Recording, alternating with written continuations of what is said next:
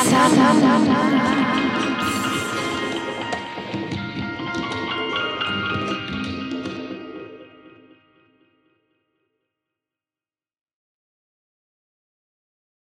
här är Salong Marx, så det är CMS publika samtalskvällar.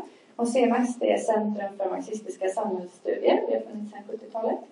Eh, och eh, ska vi, säga, vi arbetar för en bred och levande vänsterdebatt med förankring i en marxistisk idétradition. Eh, och det har vi gjort länge. Och, men vi gör, bland annat har vi väldigt många studiecirklar på ABF och på Café Marx. Och sen så har vi ett forskarseminarium. Och sen så har vi, arrangerar vi varannat år Marxkonferensen. Så det var tredje år. Marx 19 blir i oktober. 25-27 oktober, så håll utkik för det. Men det här är vår publika kväll. Så det här, Salong Marx, det pågår liksom en, en serie där vi plockar upp för viktiga samtals eh, saker som vi fördjupar lite grann, bjuda in aktivister, forskare, kulturarbetare och sen så belysa ett tema eh, åt gången. Och det handlar framförallt om att vi vill diskutera det med er och få lite infallsvinklar från andra. Och Majsa ska presentera kvällens tema. Mm. Och kvällen, varsågod. Ja, tack.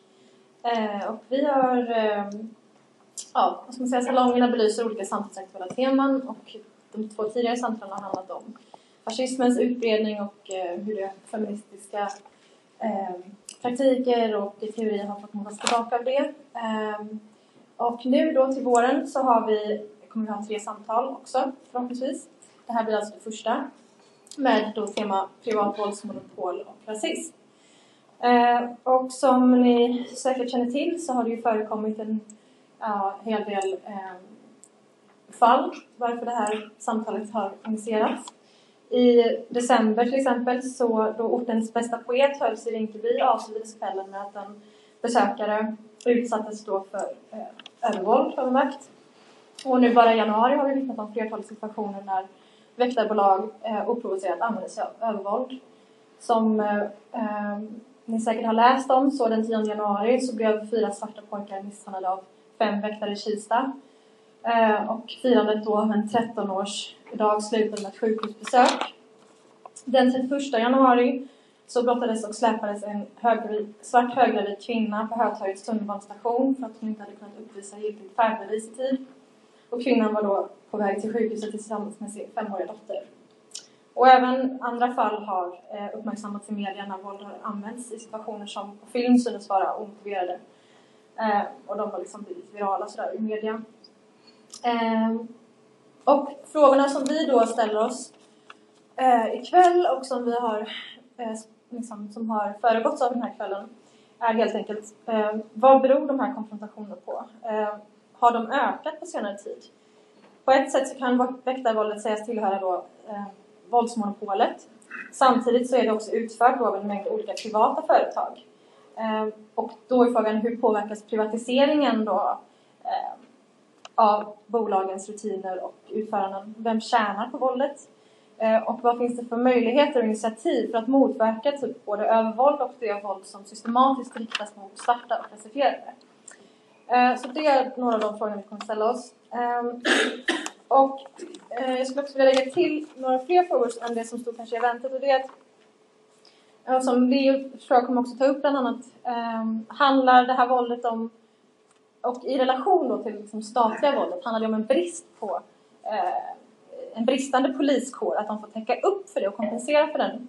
Eller handlar det om att det är fel på utbildningarna? Är det, eh, är det liksom eh, är det en lösning på det? Som några av debattörerna kring de här händelserna har skrivit så kan ju liksom en väktarutbildning variera från allt från en vecka till sex veckor beroende på vilket utbildningspaket man väljer att köpa. Eh, det här aktualiserar också frågan som eh, man jämt tror jag behöver ha med sig, kan man verkligen utbilda bort rasismen? Är det liksom lösningen? Eller vad handlar det om? Eh, är det en fråga om representationsbrist i kåren snarare? Eller är det helt enkelt en effekt av att säkerhetsarbetet har mer och mer gått från att eh, vara åtgärdande till förebyggande? Eh, att man har skurit ner på sociala instanser och därmed har de liksom så fått eh, trappas upp Eh, och helt enkelt vad innebär det då att väktarnas verksamhet blir under privat utförande? Så några av de temana kommer vi att prata om ikväll. Eh, och de som kommer att eh, hålla sina anföranden är då till att börja med förorten mot våld. Och det är båda talespersonerna som kommer att prata. Det är Emma Ström och Elias Hassan. Följt av det, och det kommer att vara ungefär 25-30 minuter. Följt av det så kommer Leandro Molinari som är doktorand vid kriminologiska institutionen här vid Stockholms universitet prata. Eh, han har exempelvis skrivit en rapport som har fått fin uppmärksamhet som handlar om polisens rasprofilering i sitt arbete i Sverige. Det är ett tema som är mer, vad ska man säga, eh, utbrett att prata om i länder som USA och England och sådär. Men i Sverige har vi inte sett så många diskussioner kring det. Så det är jättekul att han kommer komma idag och prata om hur de temana hänger ihop. Eh, och sen kommer vi ha en paus på ungefär 25-30 minuter. Då kan ni få fylla på magarna med vin och soppa och snacka lite med varandra. Och sen så avslutar vi kvällen med att eh, Janne Flyghed som är professor också vid kriminologiska institutionen eh, här vid Stockholms universitet kommer att hålla sitt anförande och prata om eh, den mer ekonomiska delen av det kan man säga. Och sen så avslutar vi helt enkelt ett gemensamt samtal där alla är framme här och då får ni även lov att ställa frågor och eh, ja, vi har ett gemensamt samtal. Mm. Bra, då välkomnar jag upp eh, Emma Ström och Elias Hassan.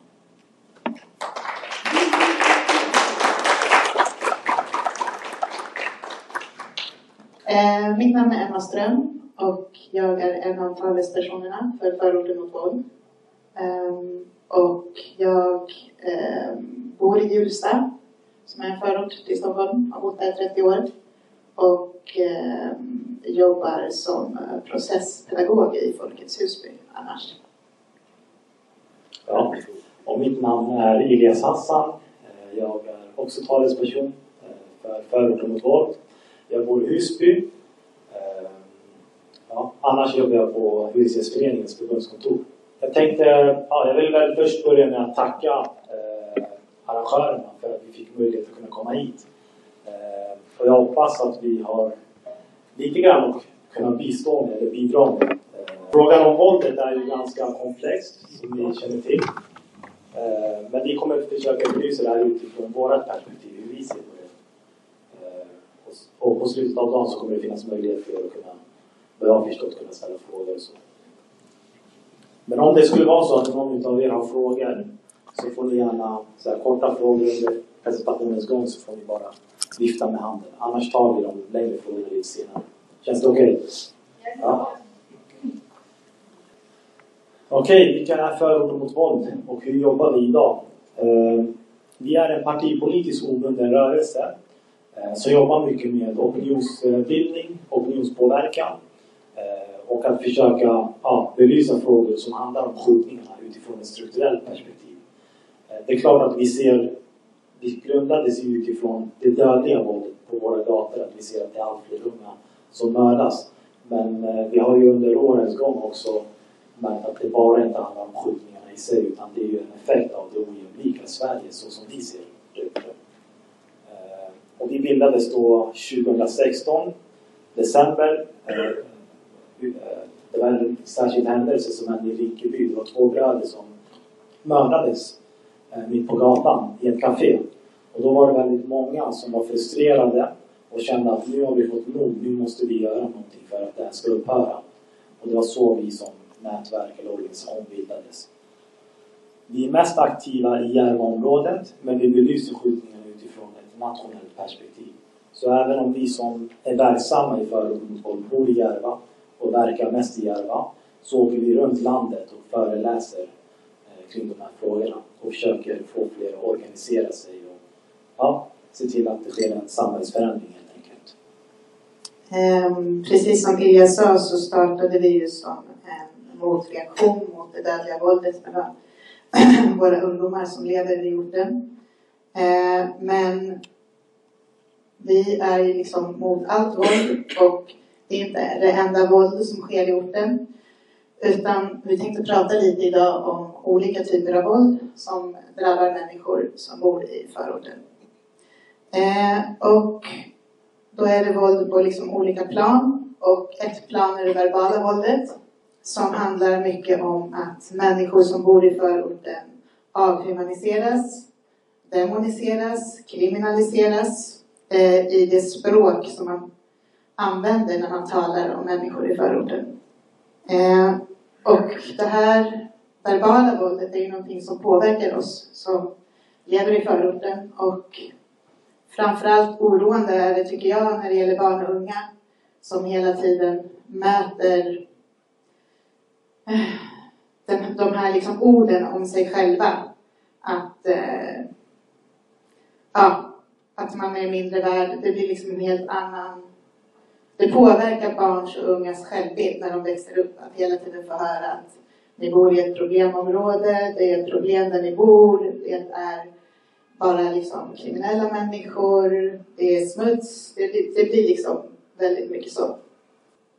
Och det handlar ju också mycket om hur man pratar om eh, människor i förorten i media.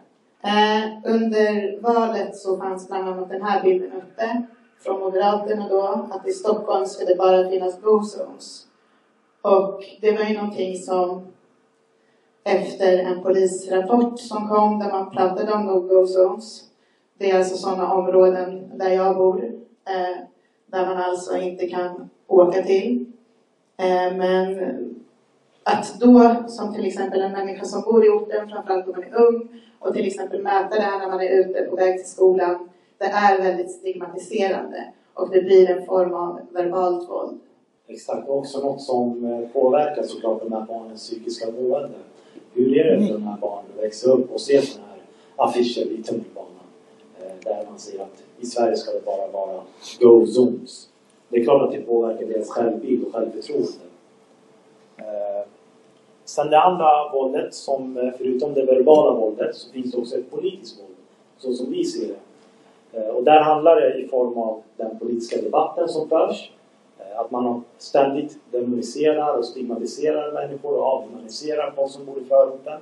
Men också de här politiska besluten som påverkar våra områden negativt. Det vill säga de här besluten där man gör nedskärningar som riktar sig främst mot barn och unga. Vi har ju sett nu att man skär ner till exempel på kulturbudgeten och fritidsmedel för unga och stänger ner allt fler fritidsverksamhet.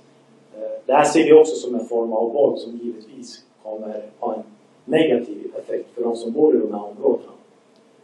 Eh, sen finns det faktiskt ett intressant, en intressant motion som skickades in för, eh, i början av förra året. Och det var 20 riksdagsledamöter från Moderaterna som skrev en motion som handlar just om att man ska skicka in militärer till förorten. Eh, och det här skapade, som kanske många av er känner igen, väldigt eh, stor debatt. Eh, kring ska vi ha militärer i förorten eller ska vi inte ha? Ska vi ha fler poliser eller ska vi ha färre poliser?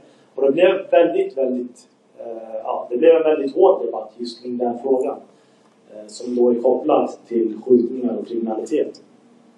Och det här visar också på vad man har för bild eh, eh, ja, vad man har för bild av de här människorna som bor i det här området. På vilket sätt ska man kunna legitimera att skicka in militären på sin egen befolkning? Det är helt befängt. Eh, och utifrån den här motionen då så såg jag också att under året, förra året då, så eh, var det en debatt mellan, eh, en riksdagsdebatt eh, mellan eh, Jimmie Åkesson, Sverigedemokraternas partiledare, och eh, Stefan Löfven, vår statsminister. Och där förklarade Jimmie Åkesson krig mot den organiserade brottsligheten och föreslog att Sverige man skulle kunna använda militära medel för att få bukt med det. Och, och, jag minns att han ställde den frågan till statsministern och sa, kan du tänka, ungefär så här sa skulle vi kunna skicka militärer till förorten? Och statsministerns svar eh, var ungefär att ja, det är inte den första åtgärden jag skulle göra att ha militära poliser eh, i förorten. Och det här var någonting som skapade en otroligt stor debatt och som statsministern sen i efterhand också givetvis tog avstånd ifrån. Men bara det att man ja, tvekade och hade den här debatten visar också på vad vi lever i samhälle och vilken tid vi befinner oss i. Mm.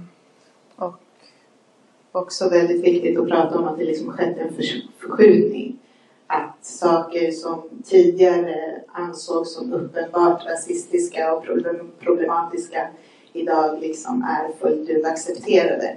Och där till exempel SDs politik är liksom en i mängden av partier som förespråkar en viss typ av syn på människor, till exempel i förorten. Okej, vi har pratat lite då om det verbala våldet och våldet i form av politiska beslut och nedskärningar.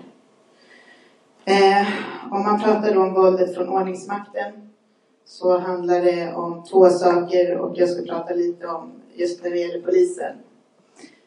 Det som är fördelen med polisen kontra ordningsvakter, om man ska titta på det, så är det att poliser är statligt anställda. De har en längre utbildning än ordningsvakterna och de har också mycket högre krav på vem som kan komma in på polisutbildningen. Eh, det som liksom är minus, om man ser det så, det är att det är en väldigt dålig representation inom polisen. Det är en viss typ av kroppar som finns där.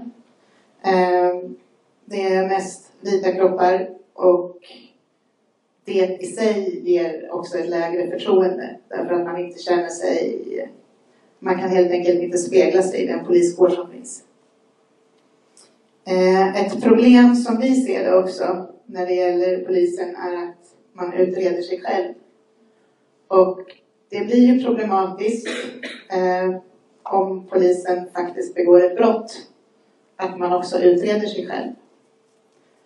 Eh, något annat som vi ser hur liksom polisen eh,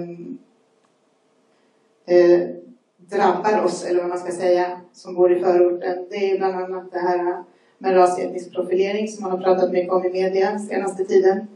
Och eh, jag är jätteglad när det här programmet, jag, ska, jag är jätteglad för det, jag är jätteglad när Kalla fakta sände sitt program om rasetnisk profilering. För då kände jag i alla fall så här, äntligen, äntligen pratar vi om det här. För det här är någonting som vi hör och ser och mäter hela tiden bland befolkningen i förorten. Så den lilla, lilla del som har kommit upp i media, det är liksom inte allt, verkligen. Eh, och det här ser vi självklart som ett stort problem. Så dels den rasetniska profileringen, men sen också eh, det övervåld som faktiskt förekommer. Eh, och hur det drabbar oss också är att vi har en väldigt hög polisiär närvaro eh, i form av övervakning. Det kan stå massa poliser, massa liksom pikéer och polisbilar och sådär. Men om det händer någonting och man ringer och behöver hjälp så kommer inte polisen i första taget. Så det finns massa poliser som är där för att övervaka eh, men inte när man kanske väl behöver det. Och sen handlar det också om vad polisen har för typ av ja, inställning eller attityd till den befolkning de möter. Och där vi har skrivit här då soldatpolis slash kvarterspolis. Att man faktiskt som polis kan arbeta på olika sätt och komma med helt olika typer av attityd gentemot de människor man möter. Och där vi till exempel ser att många poliser som kommer ut och arbetar i våra orter är väldigt, väldigt aggressiva, är ganska tungt beväpnade och där det liksom blir en form av nästan militariserad polis. Jämfört med om man till exempel ser i andra områden där polisen är mycket mera ja, men typ som en trevlig kvarterspolis som kanske pratar och hälsar och känner till folk mer på ett annat sätt. Och att det här påverkar oss självklart. Ja. Eh, sen det andra våldet från ordningsmakten, det är ju ordningsvakter. Eh, och där ser vi såklart eh, stora utmaningar. Den första utmaningen är ju att, som eh, Majsa var inne på, att uh, utbildningen skiljer sig. Men ungefär, vi brukar säga att ungefär 80 timmar har en ordningsvakt det är ungefär 80 timmar de utbildar sig. Uh, drygt två veckor uh, som de har 80 timmars utbildning på för att kunna utbilda sig till ordningsvakt. Antagningen där ser jag är väldigt låg. Man behöver inte ha det är inte så höga krav som ställs för att kunna utbilda sig till det. Man ser också till och med att vissa eh, kan ha fällts för vissa typer av brott men ändå har kunnat utbilda sig till ordningsvakt. Så är det inte med polisen direkt. Det ser vi som en utmaning. Eh, och sen ser vi också att eh, de här ordningsvakterna jobbar ju på privata bolag. Och privata bolagens primära uppgift det är att skydda ägandet och inte befolkningen. Eh, och det här kunde vi se ett exempel på till exempel med den här gravida kvinnan. Eh, hur, vad som hände med henne.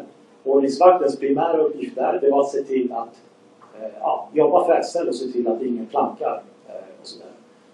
Och inte liksom ta gravida kvinnans hälsa för intresset. Och där kan vi se att de här två olika intressen krockar med varandra när man är privatanställd och jobbar för privata bolag. Eh, vilket kanske inte hade varit i polisens... Eh, det kanske inte hade varit på samma sätt om en polis hade jobbat. Även när det gäller fallet med de, i Kista med de 12-åriga pojkarna som alltså var för högljudda eh, i biblioteket och där de då blev misshandlade av vakter och eh, utkörda från, utsläpade från gallerian. Eh, och där är det ju återigen det här med att man vaktar liksom ägandet och eh, vad heter det, inte huset utan fastigheten eller ja. Och att det är det som är det primära. Det som jag tycker var faktiskt intressant, eh, det var att jag läste för inte så länge sedan VD för Securitas. Han är en av de rikaste personerna i Sverige. Samtidigt som hans personal eh, ja, behandlar människor illa. Då kan man undra vad, vad är det för typ av samhälle där vi har, ett, där vi har privatägda bolag som tjänar pengar samtidigt som man bemöter befolkningen och behandlar dem väldigt illa. Det är något som man kan fundera över. Eh, och, och att eh, ordningsmakten har privatiserat allt mer. Vi ser att man satsar mycket mer idag på ordningsvakter. Eh, man vill liksom ha fler ordningsvakter som ska vara ute och i vissa fall till och med ta roller där polisen skulle Eh, var vara först. Men att det är ordningsvakten som har kompletterat och börjat ta över vissa arbetsuppgifter som polisen ska göra. Det ser vi som ett stort problem också. Eh, sen ser vi också att det finns, som eh, Emma var inne på, de här två fallen är ju bara några utav alla fall, eller några utav de exemplen där vi kan se att mänskliga rättigheter har inskränkts. Det vill säga att ordningsvakter har behandlat människor illa. Och det här är inte bara att man liksom, det handlar inte om att man har bemött människor dåligt. Det handlar inte om att man har varit otrevlig utan det handlar om att man har behandlat dem illa, vilket kränks, eh, vilket är en inskränkning mot mänskliga rättigheter. Eh, så det är rättigheter folk har, att man ska behandlas likadant, precis som alla andra. Eh, man ska inte utsättas för övervåld av ordningsmakten och mycket annat. Och det här ser vi har börjat ja, fallera och blivit allt sämre. Där det kommer flera fall där mänskliga rättigheter har inskränkts utan några konsekvenser för de som utför de här övervålden. Eh, jag hade en mamma som sa till mig, jag kommer inte ihåg om det var igår eller häromdagen i alla fall. Hon sa att tidigare så var vi oroliga för våra barn, för våra ungdomar när de var ute. Eftersom eh, det är hela tiden, alltså det är så ofta som det sker att man blir stoppade av polisen, trakasserade av polisen, visiterade av polisen eh, och av ordningsvakter. Eh, och det har liksom funnits en oro hos föräldrar så fort barnen är ute, att antingen att polisen ska göra något, att ordningsvakter, ordningsvakter ska göra något eller att de ska göra någonting mot varandra. Så det finns en väldigt stor oro.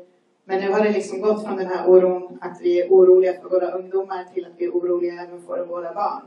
De här 12-åriga pojkarna som blev misshandlade, när man är 12 år är man inte så gammal, man är inte särskilt stor, man är ett litet barn.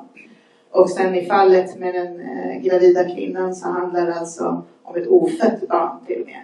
Och vi ser här att eh, det finns ett mönster av att icke-vita kroppar drabbas av det här våldet från ordningsmakten, både i form av polis men också ordningsvakter, mycket, mycket, mycket oftare eh, än vita kroppar. Och det är ju någonting som vi måste ta på allvar och se. Och vi har ju tack och lov en del forskning om det. Eh, men vi hoppas att det ska komma ännu mer forskning. Och sen tänker jag också att det som är intressant med hela den här frågan om eh, eh, ja, trygghetsfrågor, hur man ska liksom se till att främja tryggheten. Oftast har det blivit mycket repressiva åtgärder, det vill säga att man satsar på ordningsvakter och fler poliser.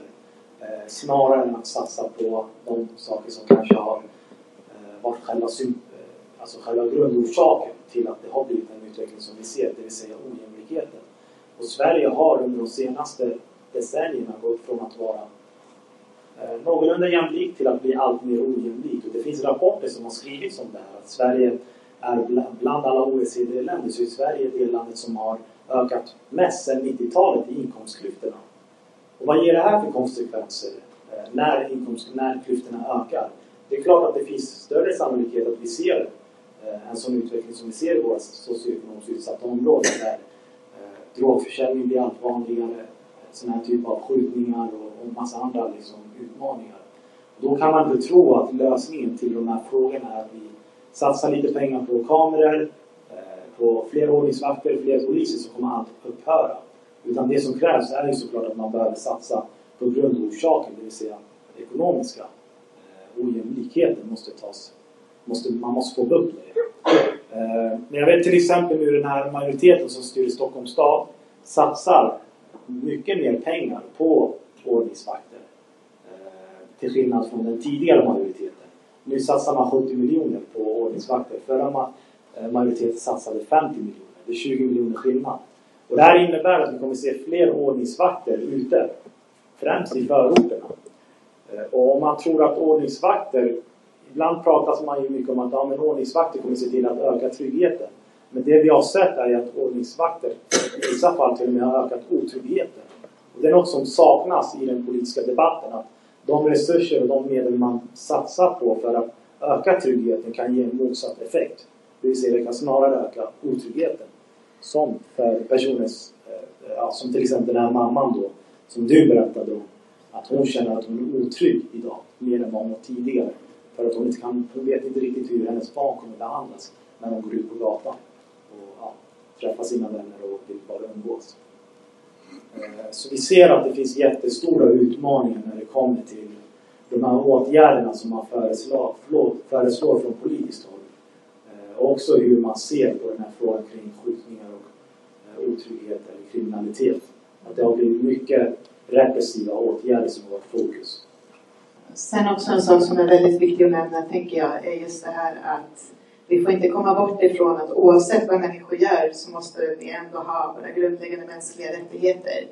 Och det kan ju inte vara så, vi har ju ett system idag där om man inte har råd eller om man liksom inte har en giltig färdbiljett oavsett orsak. Att straffet för det ska vara misshandel. Eh, det är helt orimligt. Och eh, det är väldigt, väldigt många barn och unga framför allt som i kollektivtrafiken till exempel blir avslängda, fasthållna, eh, blir utsatta för olika saker och det är verkligen ett problem. Eh, och just det här med att någonstans måste vi prata om det här med att kriminalitet är ingenting som vi på något sätt förespråkar. Men det är fortfarande så att även kriminella människor är människor. Även den som har begått ett brott ska inte kunna behandlas exakt hur som helst. Och det är väldigt viktigt. Liksom. Och sen också att eh, det är klart att man ser ju ganska tydligt för den som vill se att eh, debatten skiljer sig beroende på vad det handlar om, vilka områden. Det fanns en intressant rapport som SVT gjorde för inte så länge sedan där man sa att drogförsäljningen, alltså de ungdomar som köper droger från förorterna, det är ungdomar som bor i de rika, välbärgade kommunerna, områdena. Eh, några av de områdena var Danderyd, eh, Kungsholmen. Kungsholmen och en massa andra områden. Men när den här debatten fördes i riksdagen, där man pratade om den här rapporten då, som SVT fram, hade tagit fram, så var de partier som vanligtvis föreslår hårdare tag, det var de partier som inte tyckte att man skulle ha hårdare tag mot ungdomarna i Danderyd eller i, Liljeholm, eller i Kungsholmen. Eh, de föreslog åtgärder som att ja, vi behöver se till att satsa på socialtjänsten, vi behöver se till att satsa på psykologiska psykologer, fler psykologer som kan liksom, eh, ja, prata med de här ungdomarna. Men när det kommer till förorterna, där majoriteten som bor är personer som har utländskt påbrå, eh, så ser att debatten är helt annorlunda. Där är det liksom, ja men vi ska se till att skicka in militärer, vi ska se till att ha fler poliser, fler kameror. Eh, och därför menar vi att vi också ser ett rasistiskt mönster i hur man debatterar frågan beroende på eh, vilka som drabbas och beroende på vart det, vilka områden det handlar om.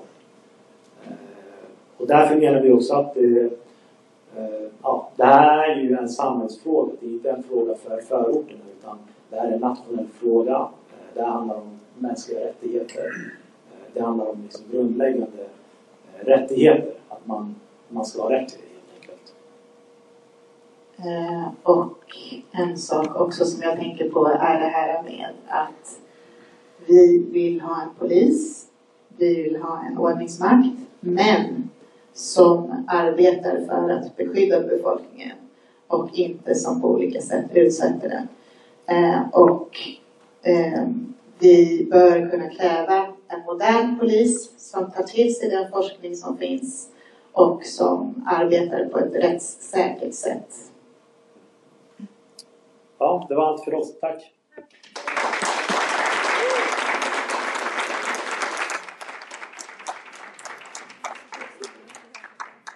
Hej och hå! Leandro heter jag. Jag är doktorand i kriminologi på Stockholms universitet. Eh, det är ett privilegium att bli inbjuden hit eh, och få presentera sin forskning, så tack så hemskt mycket för det. Det är en ära att få prata efter er. Eh, jag tror att ert mod och er styrka liksom har inspirerat väldigt många. Jag har haft privilegiet att få min forskning ganska uppmärksammad på sistone. Eh, min rapport som är, som är den här, ni slumpvis utvald. Eh, var grunden, eller låg till grund för Kalla faktas reportage som sändes nu i veckan om, om rasprofilering och polisens eh, övervåld. Eh, så jag tänkte jag ska säga lite kort om, om eh, Ge en liten kort bakgrund till den här rapporten. Sen så tänkte jag att jag skulle säga någonting. Vad är det här begreppet ras, etnisk profilering? Eh, jag har slängt om här, så tidigare forskning kom lite tidigare. Men sen säger jag någonting om slutsatser från studien som egentligen då har fokuserat på polisen, inte så mycket på det här med ordningsvakten, eller egentligen uteslutande på det. Men jag ska ändå avsluta med, med några kommentarer kring eh, säkerhetsvakter eller ordningsvakter eller vad man nu, hur man nu vill uttrycka sig. Så. Så det är mitt upplägg. Jag har eh, 25 minuter och jag ser här att eh, tiden tickar. Så, så det kommer gå ganska fort. Jag hoppas ni hänger med på min skånska. Är det någon som inte gör det så får ni säga till. Typ så. Eh, bakgrunden till den här rapporten är egentligen inte de här siffrorna. Bakgrunden till den här rapporten som Civil Rights Defenders Barbie kom fram, det var romregistret. Det var 4000 romer, ish, va? som hade blivit registrerade av polisen i Skåne. Eh, och Civil Rights Defenders de var såhär, men vi vet inte så mycket om det här med, med rasprofilering. Va? Så vi behöver ta fram någon form av forskning. Då hör de av sig till mig. Eh, polisen i Skåne då menade att det här var en arbetsvil och eh, att ingenting här fel hade begåtts. Men sen så dömdes de trots allt det för, för etnisk diskriminering. Eh, bakgrunden är den teoretiska bakgrunden, eller den akademiska bakgrunden, är ju naturligtvis att rättvisan inte är rättvis. Eller hur? Eh, det finns, eh, det har vi vetat inom forskningen väldigt, väldigt länge. Eh, I, I länder som England och USA så får man statistik på det här. Och så går man in på eh, regeringens hemsida i England till exempel så framgår det att en svart person i Storbritannien löper fyra och en halv gånger så stor risk att stoppas och visiteras av polisen som en vit. Den typen av siffror tar de fram med, med, med jämna mellanrum. Eh, och då vet vi liksom så att det är väldigt stor disproportionalitet liksom, i vilka polisen stoppar och kontrollerar. Sånt är vi inte så intresserade av att ta fram i Sverige, eh, tyvärr. Så, eh, men eh, det finns en studie från 2005 som Tove Pettersson gjorde som är eh, eh, eh professor i kriminologi och min kollega. Eh, och det här är då siffror som är från år 2000, så det är väldigt, väldigt gamla siffror så att säga. Men i den här studien då, då tittar de på samtliga registrerade fall där polisen misstänkt människor för eget bruk av narkotika i Stockholm eh, år 2000. Och då framgår det att träffsäkerheten vid kroppsvisitation för personer över 30 år med svensk bakgrund är 67% Träffsäkerheten för personer med utomeuropeisk bakgrund i motsvarande åldersgrupp uppgår till 24 Okay, det är jättestor skillnad när polisen ingriper beroende på bakgrund. Okay? Eh, och den här eh, studien som, som ni refererade till, eh, den är, eller det SVT-reportaget är baserat på en studie som Brottsförebyggande rådet har gjort. Eh, som inte är så intresserad utav ehm, eh, rasen, kategorin ras och etnicitet, utan mer en klass, klassanalys skulle jag vilja kalla det. Men då har Brå tittat på eh, eh, jämfört självdeklarationer. Liksom så när ungdomar säger så, ah, men jag höll på jätteofta och fyller i en sån här liten enkät och sen så studerar vi det då som kriminologer. Och då framgår det då att ungdomar i Stockholmsområdet med hög medelinkomst uppger i högre utsträckning att de brukar narkotika. Men sen då att de som misstänks är ungdomar i de, läg, eh, i de fattigare stadsdelarna. Liksom. Och det är liksom 70-80% skillnad. Eh, att det är större risk att bli misstänkt än de som Eh, de vars föräldrar saknar hö högre utbildning löper 70% större risk att bli misstänkta än de som har studerat på hög nivå. Alltså, det här är ju väldigt tydliga siffror som säger någonting om hur polis, det polisiära arbetet är har en klassbias. Liksom så. Och den här klassbiasen, vi vet också att det är en rasbias. För att vårt samhälle är organiserat utefter liksom, rashierarkier. Så. Eh, så det är lite siffror då. Eh, och många utav studierna kring rasprofilering syftar just till att statistiskt mäta den här disproportionaliteten. Jag är inte en statistisk forskare, jag är en kvalitativ forskare. Jag håller på med sådär kvantitet, liksom så. Om någon frågar mig om plus och minus så blir jag stressad. Så, eh, så, så jag, jag, är då liksom en, en, en, eh, en kvalitativ forskare. Och det vi kan säga är att det finns ingen enhetlig definition, så som det är med allting som är intressant för oss som akademiker, eller marxister för den delen. Liksom så. Eh, allting som är intressant att diskutera, där är vi inte överens. Så. Men någonstans så är ju den grundläggande frågan, varför är det så att vissa grupper i oproportionell grad stoppas och kontrolleras utav polisen än andra. Liksom så. Okay, disproportionalitet. Så. Och det går att urskilja två, två linjer i den här litteraturen. Jag lutar mot en bredare definition som är då där jag ser profilering, rasprofilering som ett paraplybegrepp eh, som fångar rasifierande polisiära praktiker som befäster ojämlika maktförhållanden. När jag menar rasifierande så menar jag att polisen är det och gör ras. Alltså ras här är en social konstruktion. Det är någonting som sitter i huvudet som polisen producerar genom sina praktiker. Så. Men jag använder begreppet också etnisk profilering och det gör jag av, av, av eh, följande orsak.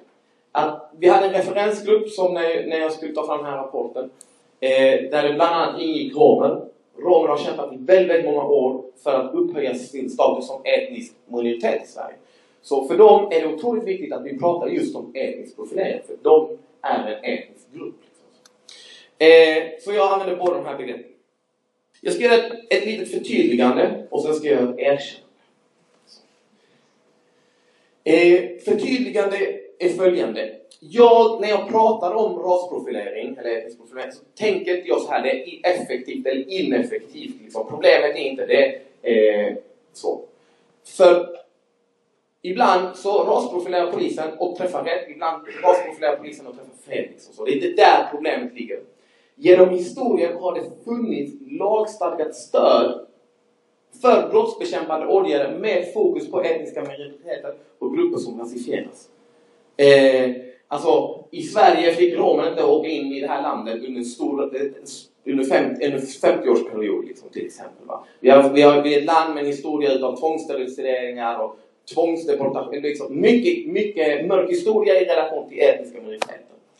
Eh, poängen är då att ofta implementerar polisen helt enkelt lagen och lagen kan i sig vara utformad på ett sätt som legitimerar ras eller etnisk profilering. Eh, och i USA, liksom, så de här forskarna som håller på med det här, liksom går tillbaka till slaveriet. Okej, okay, vad var den här ordningsmaktens roll i relation till att eh, hämta hem de här eh, eh, slavarna som hade, som hade flytt plantagen. Liksom så. Så, eh, så för mig, som då är en kritisk kriminolog, är det här förtydligandet väldigt viktigt att göra. För, och det är kopplat till en bekännelse.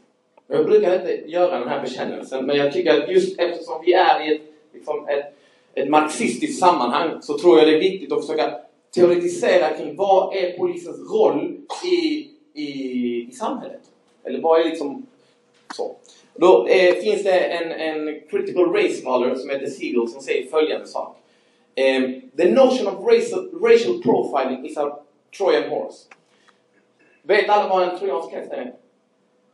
Ja, okej. Okay. Som ni ser den, här, den här bilden där uppe. Det är så en häst som de tog in och så var det en massa eh, eh, krigare där inne och sen tog de över liksom så tror jag. Så bla. bla. Eh, en mytologisk eh, eh liksom, metafor. Part of its power lies in its immediate, obvious meaning. It's a perfect conage, a, a full explanation of the complex phenomenon it named in five catchy syllables. Equally important, however, is its ambivalent utility. It contains both, both critique and accommodation. On the one hand, it can convey a powerful expression of protest against racist policing, certainly has fueled energetic and effective activism. On the other, it retains faith in the value of policing overall, uh, targeting racist policing as if racism could be removed from policing as process. Like police brutality, the term racial profiling suggests that policing is a defensible democratic practice, good in theory and in general, but poisoned by a few rude individuals or by vestiges of racism that can be purged from an otherwise benevolent institution. Okej, vad menas med det här väldigt långa citatet som jag eh, tror är värt att reflektera kring? Jo, vad är polisens roll i samhället? Poängen är att när, vi säger, när jag säger eh, våldsprofilering så låter det riktigt bra, det är catchy, eller hur? Alla, alla har sin egen definition, vet ungefär vad de menas. Va? När polisen i, i England och USA samlar ihop all den här statistiken så finns det massa sätt att legitimera praktiken utav rasprofilering. Jag ska visa på det sen. Eh, och framförallt så är det som att man säger då, problemet med polisiära praktiker är ju dess profilerande. Om det bara polisen kan göra sitt arbete bättre, om de bara kunde jaga papperslösa på ett bättre sätt, då skulle vi bla bla bla. Så det smakar vanilj? Vad sa du? Det smakar vanilj, precis. Bra, bra. Och den här bekännelsen är kopplad till, liksom, som kritisk kriminolog, liksom så. Eh, polisens roll är att säkerställa den rådande ordningen i slutändan. Okej, okay? vilken är den rådande ordningen? Jo, men det är nationalstatens ordning. Okej, okay? vad är nationalstaten? Jo, vi lever i en kapitalistisk värld. Va? Vi är en del av EU. Vad är EU för någonting? Det är, det, det försvaret, det, liksom så. Vi måste förstå polisens roll i det. Och här har vi Mustafa Dikic som är lite Foucauldian egentligen så, så. Men han är ändå bra tycker jag. Han säger så här. Thus the essence of the police is not repression but distribution. Okej, okay, å ena sidan polisens roll är att slå folk på huvudet med batonger och gripa. Men det är också distribuera oss längs med den här ordningen. Säga att vissa hör hemma där i förorten och har vissa rättigheter. Säga att andra hör hemma i Djursholm och andra rättigheter. Det är en viktig utgångspunkt för oss att förhålla oss som, som, som marxister. Tror jag. Okej, okay, så det här var en lång teoretisk bakgrund till mitt projekt och hur jag själv tänker kring polisen. Eh, sen ska jag säga någonting om vad jag själv har gjort. Jag har gjort två olika saker. Jag har dels intervjuat pers personer med erfarenhet att bli profilerade. Eh, sen så har jag intervjuat poliser.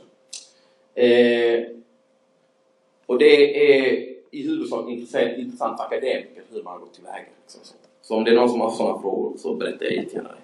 Så det första jag kan säga av mina intervjuer med, eh, med personer med erfarenhet av att bli profilerade, det är hur snarlik de här erfarenheterna som finns i Sverige är de som finns i USA eller England. Därför jag har valt den här rubriken, Driving Wild Black. Eh, det här är ett begrepp som utvecklades i USA i relation till eh, Eh, det är en lek med ord. Som är, det är en lek med Driving While Intoxicated som är eh, rattfylleri. Och då istället för att säga så, oh, det var, det var eh, Driving one Black, det var det som hände mig. Va? Eller drive, Flying one Muslim, ah, det var det som hände mig. Eller eh, Shopping While eh, bla bla bla. Så då har man liksom lekt med de här orden istället för att använda det här akademiska och väldigt så svåra begreppet rasprofilering. Och jag tror att det vore viktigt egentligen att hitta den typen av språk i Sverige som är mer anpassat med det vardagliga lingot. Liksom så. Eh, så. Och där, där behöver vi hjälpas åt. Liksom. Men det jag har gjort är att samla in massa berättelser och försökt analysera dem utifrån någon sorts, eh, anal, anal, någon sorts vilka mönster uppenbarar sig. Och det här är egentligen bara ett exempel utav väldigt många. För en och en halv månad sedan var det tre gånger som jag blev stoppad. Varför körde du en sådan bil? Jag körde en Saab. Jag bara, du vet, de är bekväma liksom. Är det något speciellt ni söker? Ja, två killar. Jag bara, som du ser så är jag ju ensam här i bilen. Jaha, men kan jag få ditt lägg? Jag bara, okej, okay, okej, okay, utan att gidra. Jag hade bråttom. Har du sett en liknande bil i trakterna? Jag bara, nej, ingen aning. Varsågod, du får köra. Jag kör, kommer till trafikljuset, kommer en polisbil från andra sidan. Jag tänker, fan, inte igen. De ber mig hoppa ut ur bilen, händerna på taket. Alltså extrem jämfört med den första. De tror verkligen att det är jag. Så kontrollerar de mig och jag försöker förklara, men han, du ska fan hålla käften. Så kommer den andra kollegan, spelar good cop. Vad är du på väg? Jag bara, jag ska till bilverkstaden. Då säger de till mig att bilen är efterlyst. Jag bara, det tror jag inte, för kollegan stoppade mig precis. Så såg de att det var fel, men för att jävla säger de till mig att sätta mig i bilen fem minuter, tio minuter, jag öppnar dörren, de bara stäng dörren. Sen kommer de fram, kastar, lägger till mig och kör iväg. Så tänker jag, what the fuck, kanske har de tagit mig, kanske har de fått tag på den andra bilen. Jag kör raka vägen mot Jägersro som ligger i Malmö. Jag kommer till rondellen, kör mot höger, min verkstad ligger där, då sker det igen. Så fort de stannar mig säger jag, vad fan vill ni? Ni har visiterat mig redan. Då hon bara signalerar polisen på ett anrop. Ja, vi kommer nu. Jag brukar alltid vara lugn, men inte den här gången. Ibland behöver man step it up, visa lite mer, men ofta ska man vara tyst. För om man jävlas med dem får man dubbelt upp. Låt dem göra sitt jobb. Jag vet att jag är clean, men det är ren rasism, för jag ser ut som jag gör. Okay. Så det här är ett exempel på Driving Well Black. PGA, han ser ut som han gör, blir han stoppad, liksom så. Han, he fits the profile. Eh, det jag gjorde, det var att samla ihop jättemånga sådana här exempel och så gick jag till polisen och frågade så, eh, hur förklarar ni, hur förstår ni de här exemplen? Liksom så. Och här har jag plockat ihop massa från media liksom så, så eh, som jag, jag, tror att ni egentligen känner till liksom så. Jag, ni som har sett Kall fakta, ni, ni känner till historien. Eh, så då var det som att jag gick till polisen och frågade så, vad, vad, hur, hur förstår ni? Hur, hur, det, det är otroligt privilegierat som akademiker att få gå till en institution till människor som man, vi delar inte åsikt liksom här, eller vi delar inte perspektiv, men förklara för mig, för jag vill verkligen förstå hur ni tänker. Och det första som händer när man pratar med polisen, och jag tror att alla som har följt debatten de här senaste dagarna efter Kalla fakta, eh, kommer fram, det är som att det, det, jag, det, det är som att man eh, bara, oh, men jag sa ju det här i min rapport. Då ser man sig helt stolt. Liksom. Det första som händer, det är ett avfärdande. Det polisen säger det är att vi jobbar med fakta, vi jobbar inte med fördomar. Eh, en, en av de här poliserna som intervjuas sa så här.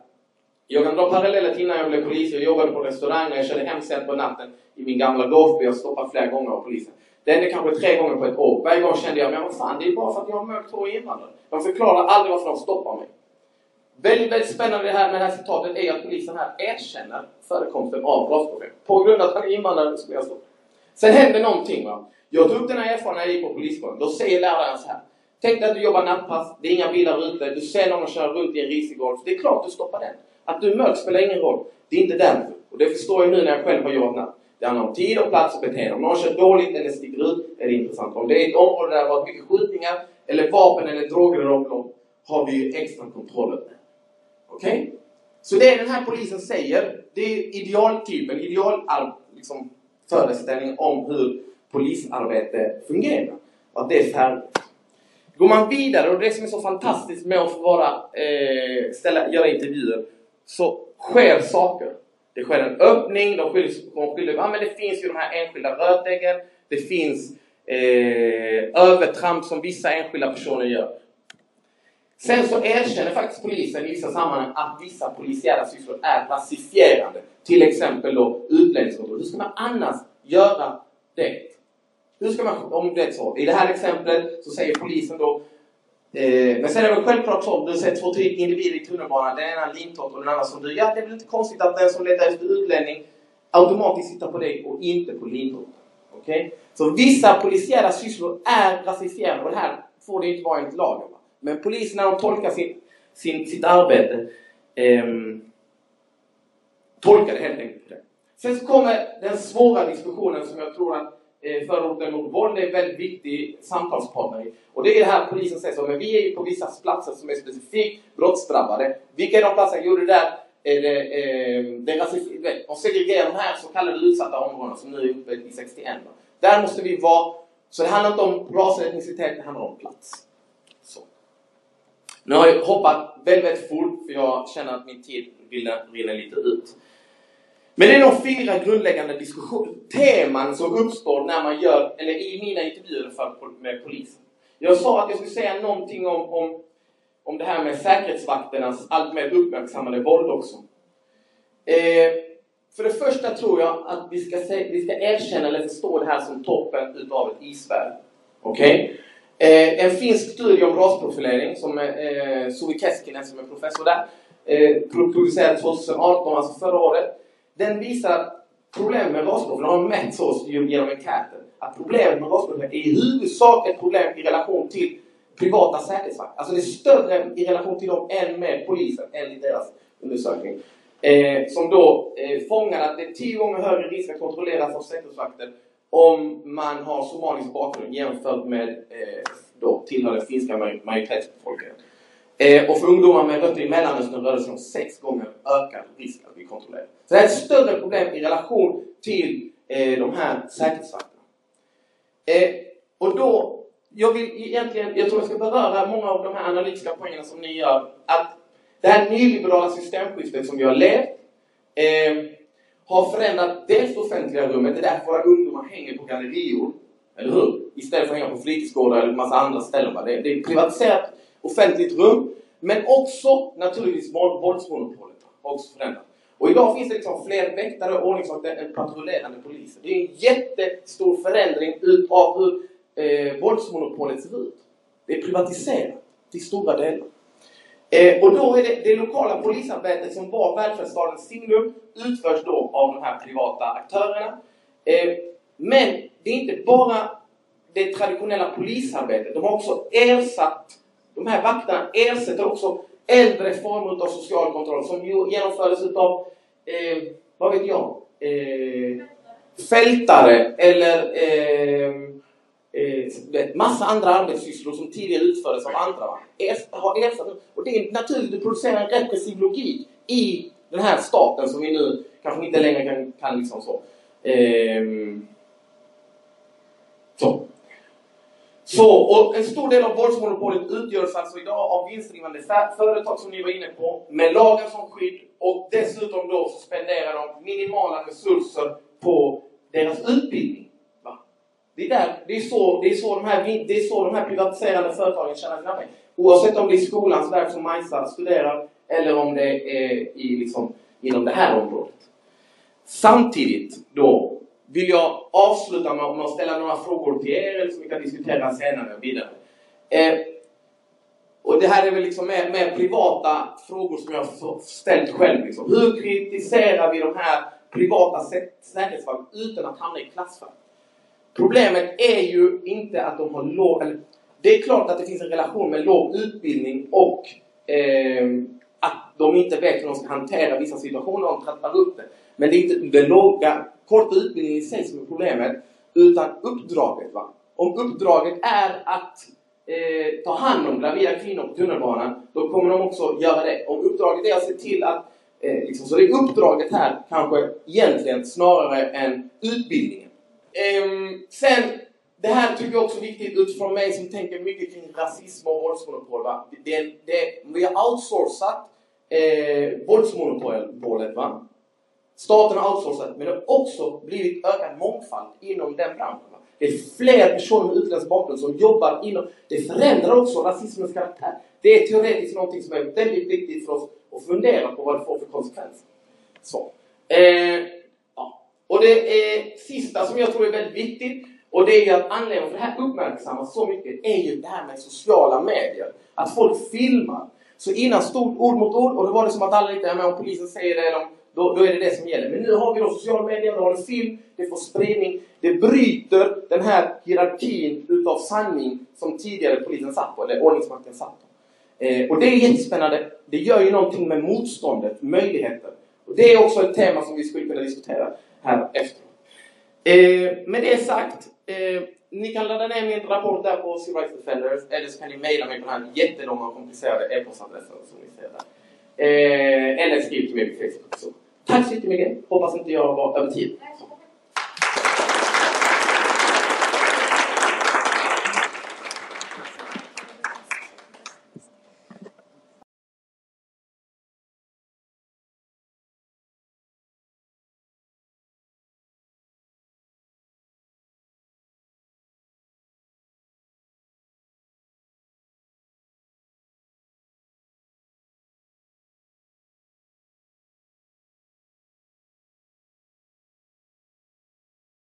Och då har vi då kvällens sista anförande av Janne Flyghed som är professor i eh, kriminologi här vid Stockholms universitet. Och efter, direkt efter Jannes anförande så kommer vi ha ett gemensamt samtal. Här framme. Varsågod Janne. Thank you. Eh, ett, eh, eh, jättekul att vara här. Tacksam för att bli inbjuden. Eh, det är alltid roligt med den här typen av, av möten. Jag tror att ett av de viktigaste sociala rörelserna det är att ha den här typen av föredrag och liknande. Att möta folk face to face. Och det har expanderat tack och lov. Jag tycker det är jätteroligt. Man ser det, man blir inbjuden till fler grejer, till olika eh, evenemang. Och jag tror det har en väldigt stor betydelse. Jag är precis som Leo verksam i Kriminologiska institutionen.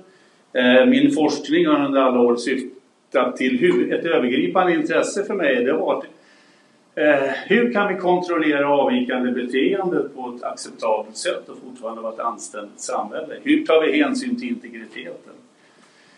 Och det har gjort givetvis att jag tittar rätt mycket på polisen. Jag har skrivit väldigt mycket om Säkerhetspolisen för de ligger precis i ytterkanten av det här med integritetskränkande. Jag har skrivit rätt mycket om olika typer av kontrollmetoder telefonavlyssning, buggning, allt sånt. Eh, jag har också varit involverad, det kommer jag kanske nämna lite om, eh, om privatiseringen av kontrollteknologi. Det finns ett gigantiskt industriellt eh, kontrollimperium och det är säkerhetsbranschen. Och det kommer jag nämna lite om här förhoppningsvis. I övrigt vet jag inte vad... vad... Jo, en sak jag måste säga. Det är, är, alltid ett helsike att vara sist. För då har ju folk redan pratat om en del jag tänkte säga. Så jag satt under tiden nu här. Eh, Hassan och, Emma eh, och Leo har ju sagt en del. Så jag skrivit om mitt föredrag. Det blev lite annorlunda nu. Men eh, eh, någonting kanske blir meningsfullt. Vi ska se, jag hade tänkt man skulle prata om privatiserad kontroll och då tänkte jag prata lite om bevakningsbolag och även revisionsbyråer. Varför vill jag göra det? Jo, jag vill visa att det finns så mycket mer av privatiserad bevakning än bara väktare och ordningsvakter. Det byggs upp ett gigantiskt komplex av kontroll och övervakning som är privatiserat. Och då har vi bland annat bevakningsbolagen men även revisionsbyråer. Och jag skrev om det, hade ett forskningsprojekt som sysslade med revisionsbyråer och deras verksamhet med privatiserad rättvisa till de som kan betala. Det kommer jag nämna några ord om. Så det här kommer att bli inte bara om ordningsvakter. Dels därför att det är det jag pratar om det också. Innan. Eh, oj, man kanske ska göra så det syns. Och jag kommer också prata om inre utlänningskontroll till viss del. Som ett exempel på eh, den här typen av rasifierad praktik. Och jag har några andra exempel. Jag kommer även ta upp mina erfarenheter från Husby 2013. Jag tillsammans med mina kollegor på institutionen och några andra institutioner i Stockholms universitet. Vi bestämde i samband med det som hände efter de så kallade kravallerna i Husby att få de boendes röst hörd. Så vi gjorde intervjuer ganska snabbt för hur tolkade de här personerna det här? Vad var det de upplevde? Och det handlar en del om polisens arbete. Mitt fokus på det projektet var polisen, bemötandet och sånt. Och det kommer jag nämna lite om. Och sen går det givetvis att komma med eh, frågor om jag är onödigt otydlig redan nu. Men, men jag hade några anteckningar jag gjorde i samband med de här eh, som pratade innan mig. Hur står det till med integriteten inom säkerhetsbranschen kan man ju fråga sig. Och en bra händelse, en upplevelse jag hade förra hösten. Då var jag inbjuden till säkerhetsbranschens stora mässa på ett stort hotell på Söder. Och där var ungefär 350 säkerhetschefer, några famösa politiker, Johan Persson från Folkpartiet och Kristina Axén Olin från, från Moderaterna som var då någon sorts eh, integritetsförsvarare. Eh, och i den här så pratade jag, jag var den enda som pratade integritet. Allting annat handlade om effektivitet, effektivitet. Och min enkla fråga var, vad finns det för bevis för effektiviteten i den här? Och när jag hade pratat, då reser sig en av säkerhetscheferna upp. Det här är bara för att visa liksom hur temperaturen är inom den här branschen som är väldigt, väldigt fartblind vad det gäller att göra pengar. Då reser sig säkerhetschefen för järnhusen. Järnhusen, det är de som äger bland Stockholms central. Och då säger han så här. Du, det här med integriteten. Det är bara sådana här pajsare som har långt hår i gitarrer som bryr sig om. I övrigt är det ingen som är intresserad. Och då tänkte jag, nu händer det något. Totalt knäpptyst. Och alla de här 350 som var landets främsta säkerhetsexperter, de bara nickar. Det är bara för det är liksom hur de, de kan inte ens stava till integritet. De kan bara stava till profit, för det är deras övergripande syfte med den här branschen. Och det här gjorde mig mörkrädd. Jag blev så pass häpen så jag nästan var eh, tyst. Expanderad kontroll. Jag tänkte på några saker mer de sa Emma Hassan också. Kontrollen expanderar. Eh, jag håller just nu på att skriva en artikel, jag har fått upp det, det handlar om Göteborg. Och i Göteborg nu ska man ha 300 nya övervakningskameror. Och de här övervakningskamerorna, de har det som jag pratade om för 15 år sedan som ingen trodde var möjligt. De har möjlighet till så kallad ansiktsigenkänning. Och de har möjlighet till så kallad rörelseigenkänning. Det här innebär att man kan då zooma in någons ansikte, samköra det med pass och körkortsregistren och veta exakt vad det är för person. Det här är kopplat sen till andra typer av register givetvis. Vad vill man nu ha med det här? Jo, man vill ha nationell samordning, säger polisen i Göteborg. Vi är inte nöjda med 300 kameror som vi kommer att placera ut på ställen som inte har ett skit att göra med att minska brottsligheten. Det sa han inte, det var jag som sa. Man vill samköra det här sen med polisens kroppskameror, med privata företags kameror allt, och även drönare. Allt detta ska läggas in i stort form av resurs för polisen i sin brottsbekämpande verksamhet. Och vad det gäller kameraövervakning så finns det ingenting som säger att det har en långsiktig brottspreventiv effekt. I vissa fall har det en brottsuppklarande effekt. I vissa extrema fall. Men hur många det är och vad det de få balanserade med den enorma ekonomiska kostnaden för detta plus integritetskränkning, det vet vi inget om. När jag började kritisera kameraövervakning för många år sedan. Då var det, det, det var brottspreventivt. Sen inte det gick att visa, då började man prata om den brottsuppklarande effekten istället. Och den är väldigt ifrågasatt. Brottsförebyggande rådet har visat flera gånger att en brottspreventiv effekt har det Det kan ha en initial effekt med kameraövervakning och det är att det blir en spridningseffekt. Det sprids till andra områden, narkotikahandel eller liknande. Och det här har en betydelse också var man sätter in den här typen av kontroller. Det handlar om eh, en expansion som är väldigt, väldigt lönsam. Man har ett selektivt polisarbete, det, var, det nämnde också Leo, jag bara jättekort.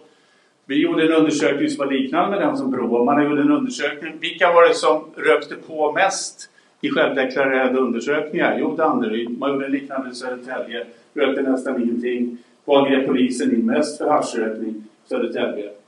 Och när man pratade med polisen så sa de ja det är bara för kidsen i Södertälje, de har ingenstans att vara så de ser det. Men kidsen i Danderyd, de sitter inne i pappas eh, villa, man, pappa och mammas villa och de får inte tag i. Vi vet att det ligger till så här. Och det är en klassfråga, sa polisen.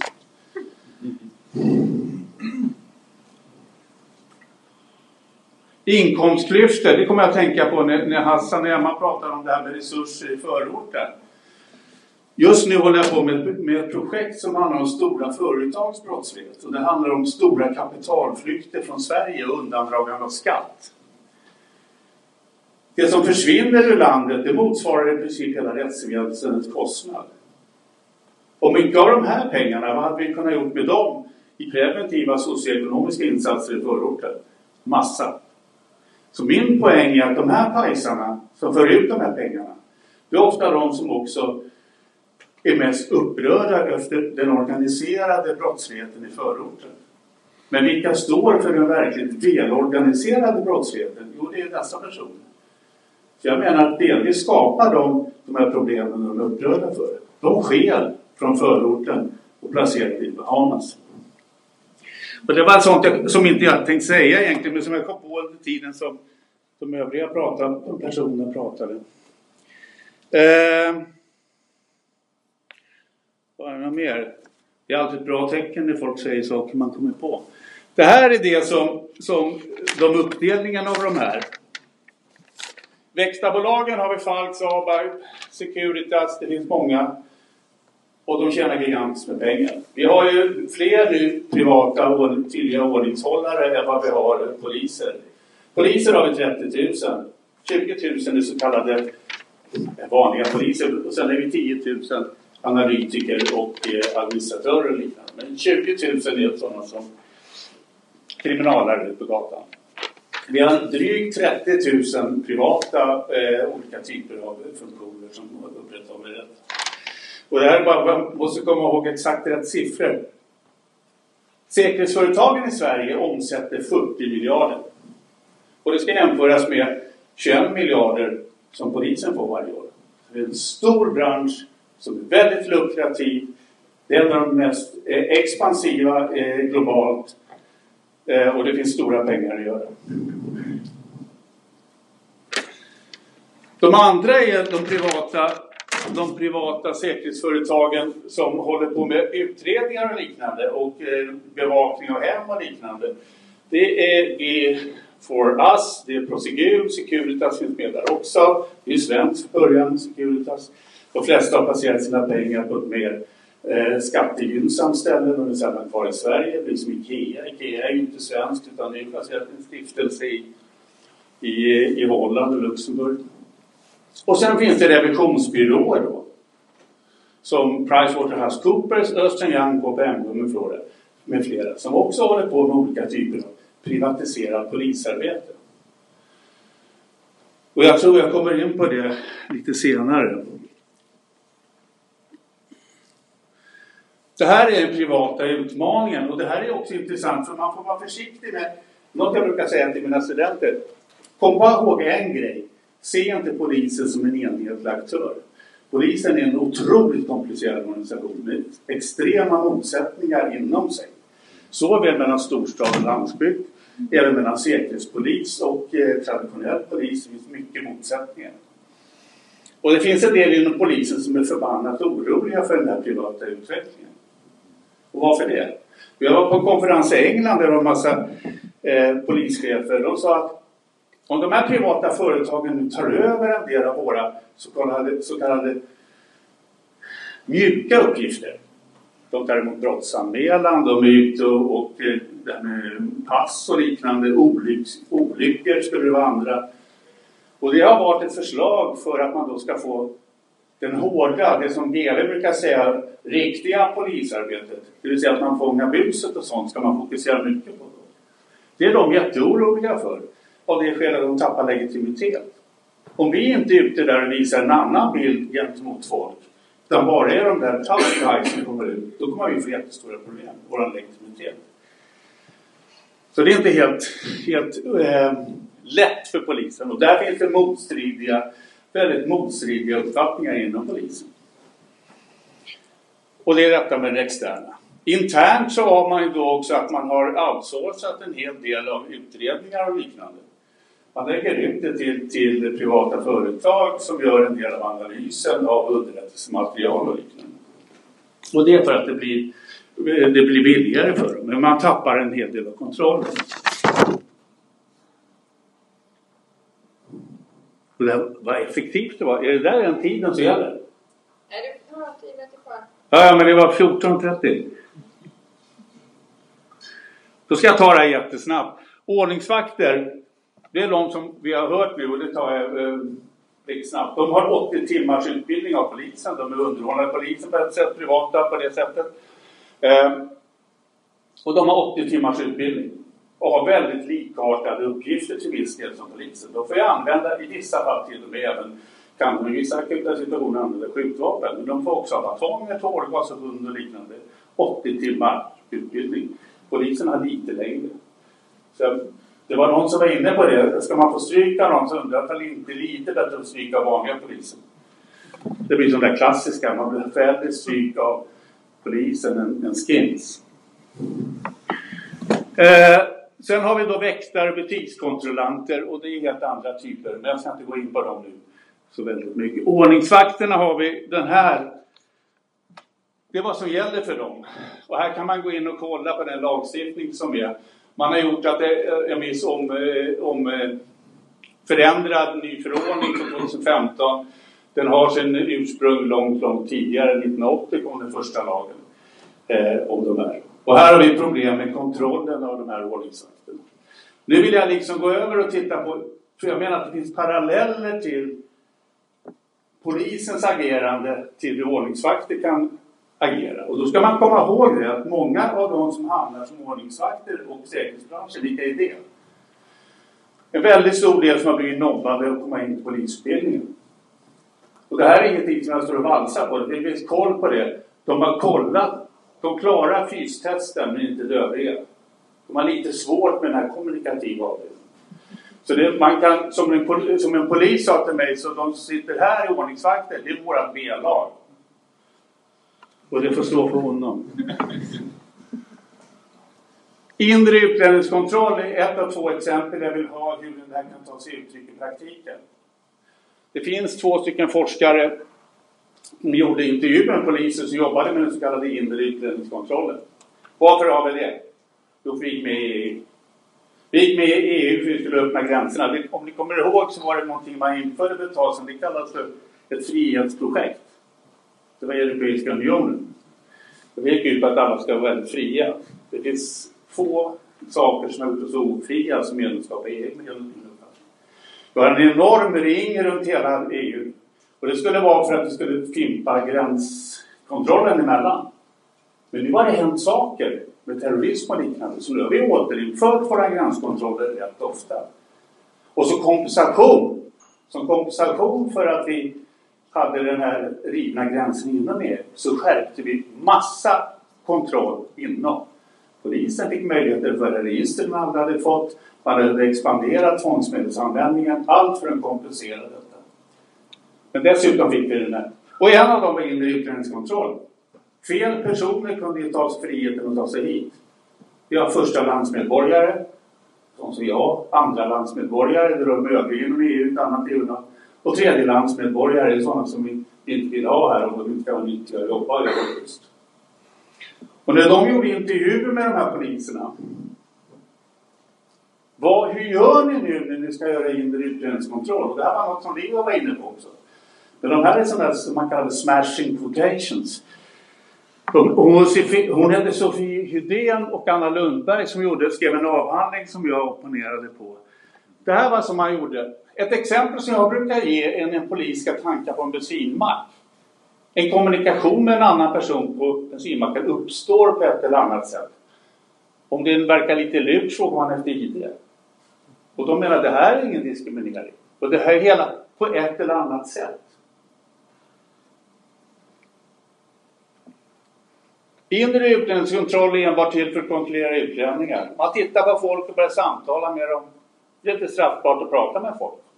Och det var poliserna inom den här polis, eh, enheten inom polisen sagt själva. Och de har ju inte lätt. Det är förbjudet att gå på utseende. Förbjudet att göra etnisk diskriminering. Man får inte kolla på folk på, av deras utseende. Däremot kan man inleda ett samtal med en mörk person och om denne talar engelska eller dålig svenska så kan man få anledning att anta att personen uppehåller sig illegalt i landet.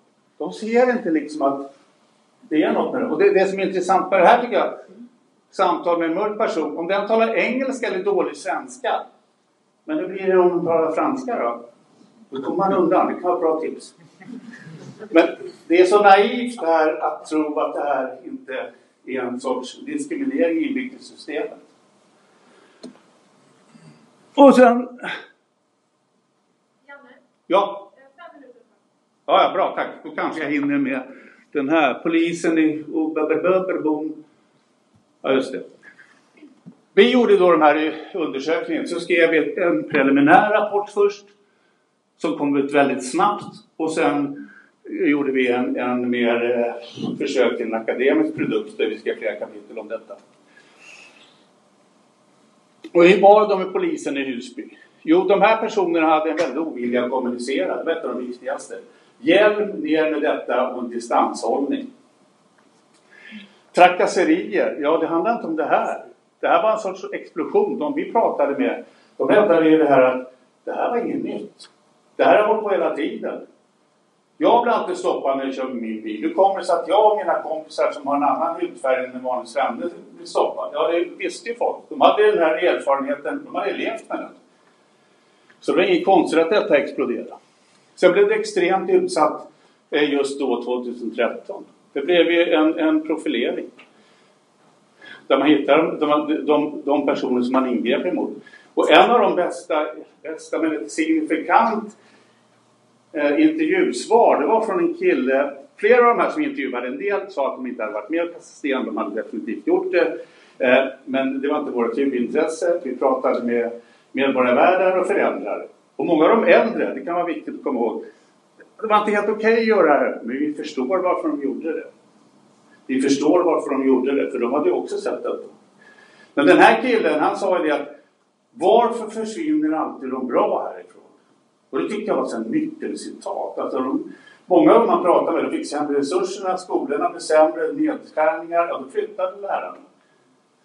Vi vill, det är inte vår polis. Det kommer hit några pang-pang-poliser. Men vi vill ha någon som är här, som vi känner, som vi har förtroende för. Det skulle ge en annan sak. Vi får bara sådana här kravallpoliser här. Det är också viktigt att komma ihåg. Jag tror Leo var inne på det också. Vilken typ av polis vill man ha? Ja, man vill ha någon som är, som, är, som, som är nära och som man känner. Och de ofta har då försvunnit. Och det var den killen menade. De bra fritidsassistenterna försvinner, de bra lärarna försvinner. Allting flyttar. Och det de jämfördes med hela tiden var Kista. Kista för allt. De lägger ner socialkontor och liknande. Och nu är det slut, eller? Ja, de här säkerhetsföretagen som har mängder av personer anställda över hela världen. Så jag bara tala om, vad gör de? Och de kan göra allt detta. De utreder brott för stora företag. Varför? Varför går inte stora företag till, till polisen? Jo, det ena är att de tycker att de här företagen är mycket effektivare. Och det andra, det är framför allt, det är att de privata företagen, de köper diskretion. Om jag misstänker Leif här nu för att jobba med mitt företag och han håller på att mygla med något, då kan det här ge dålig publicitet för vårt företag. Därför köper jag Lena här och utreda honom. Och så får jag den här utredningen. Då äger jag frågan. Sen väljer jag om jag ska gå public eller inte. Är det här mycket badwill, då ber jag honom gå lugnt och stilla. Är det så att det inte passar galoscherna kan jag hota med åklagare. Och det där innebär att det har uppstått ett privatiserat rättssystem där jag som företagare både är polis, åklagare och domare. Och du har inga rättigheter överhuvudtaget. Och det här har förekommit i flera fall. Eh, om ni kommer ihåg han på Rädda Barn, John Donner, som hade förmyglat massa pengar och blev dömd. Han hade varit på en annan eh, ideell organisation tidigare.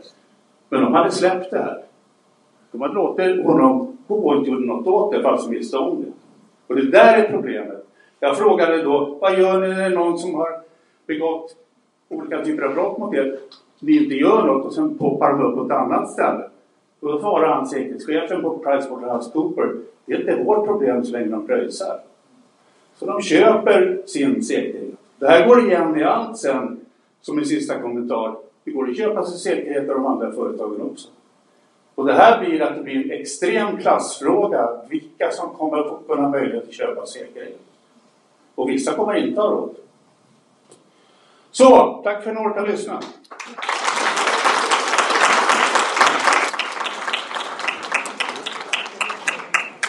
Okej, tack så jättemycket för alla tre anföranden. Det var superintressant och det känns verkligen som att de har samtalet måste ha har följt varandra och hakat i varandra väldigt väl.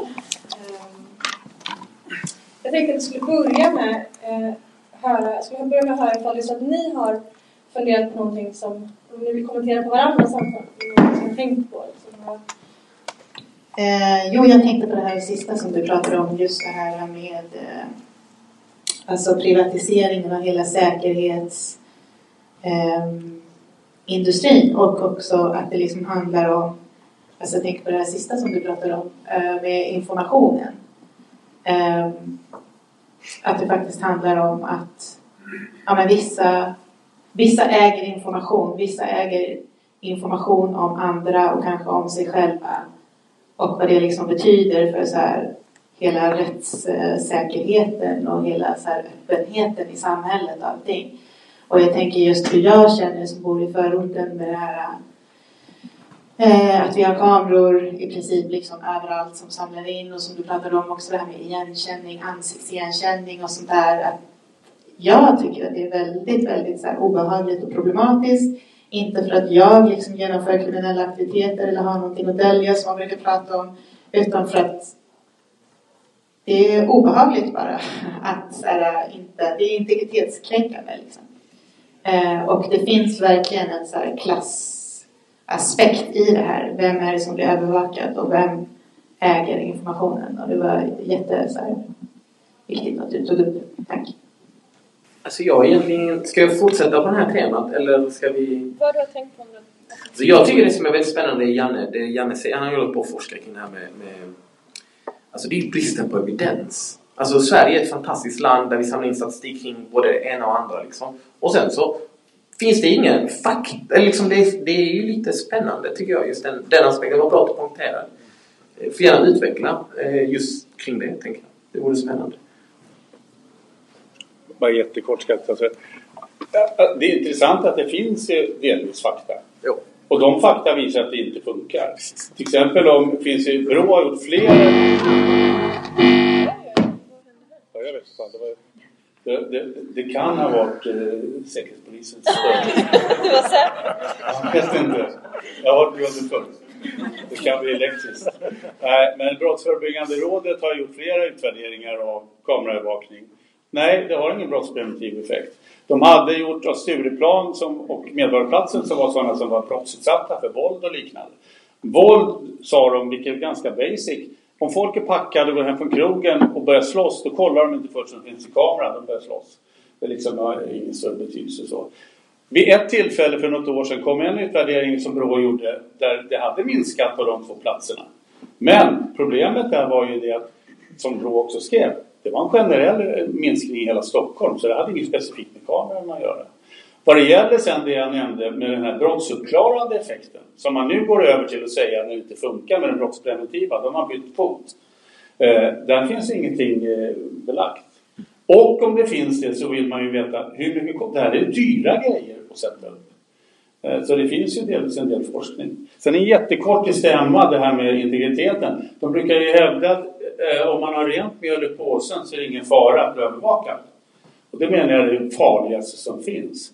För accepterar vi det så innebär det en sorts omvänd bevisbörda. Ska det funka så innebär det att jag måste acceptera att bli betraktad som misstänkt för att visa att jag inte behöver bli övervakad. Det är fullkomligt sjukt. Det är grundtemat i demokratin. Det ska inte vara så. Ett annat problem är att man pratar om integritet. Nu har politiker börjat tala om den första som gjorde det var Thomas Bodström, en man som jag absolut inte gillar. Eh, han eh, pratar om brottsoffrens integritet som stod över förövaren. Så den integriteten, att potentiella brottsoffer, det gjorde att vi måste ha buggning med kameraövervakning. De har ju vänt upp och ner på hela integritetsbegreppet.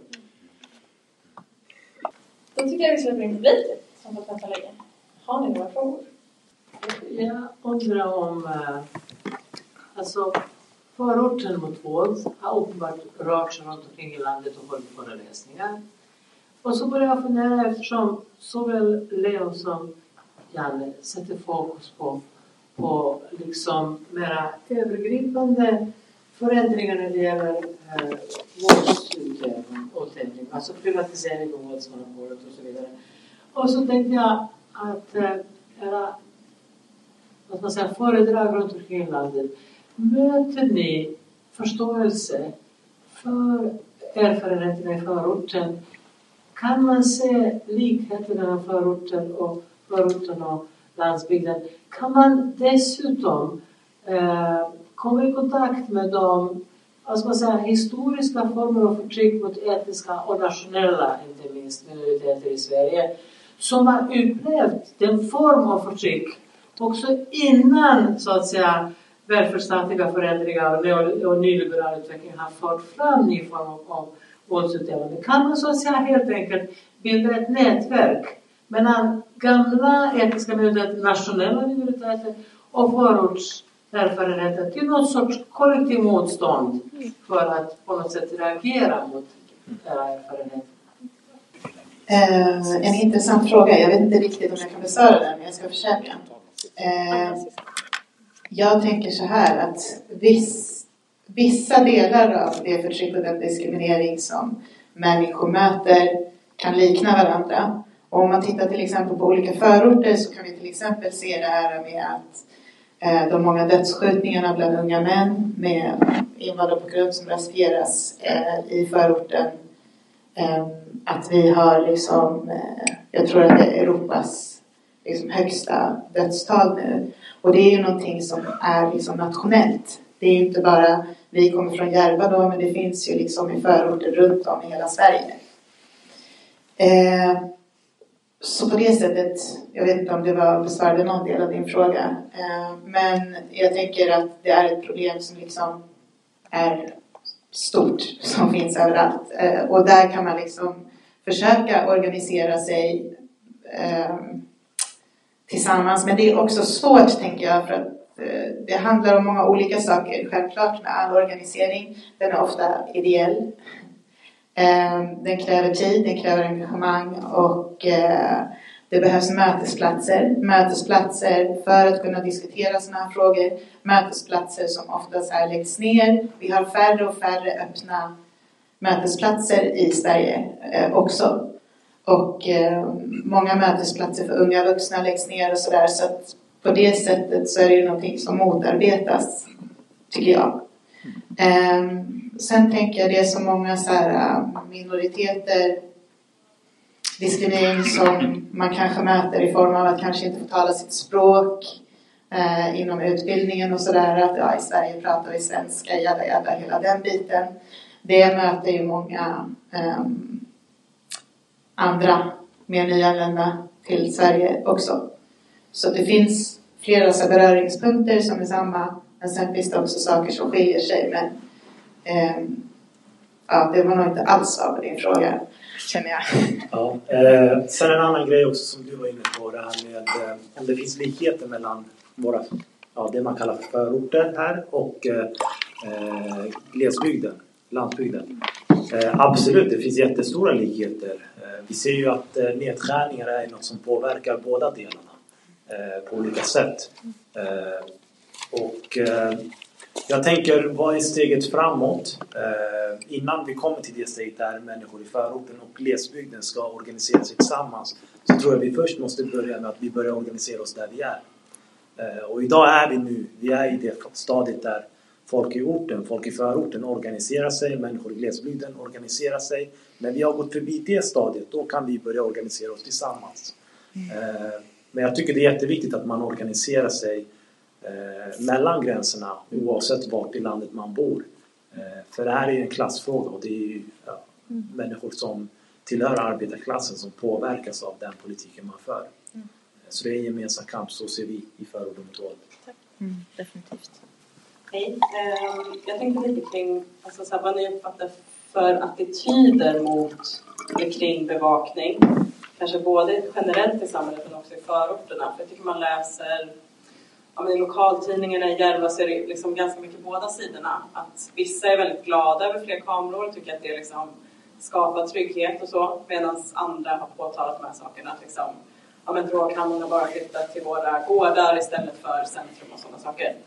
Um, ja, men så lite kanske fördom mot våld, vad ni uppfattar kring de attityderna.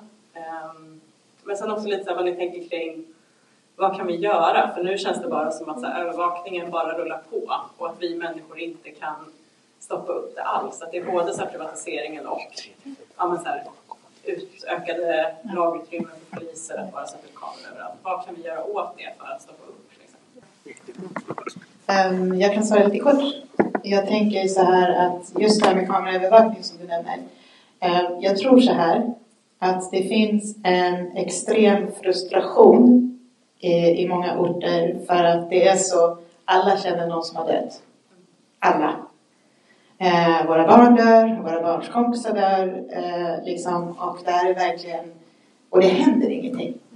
Det finns en sån frustration och förtvivlan och då tror jag att man nästan blir så här desperat.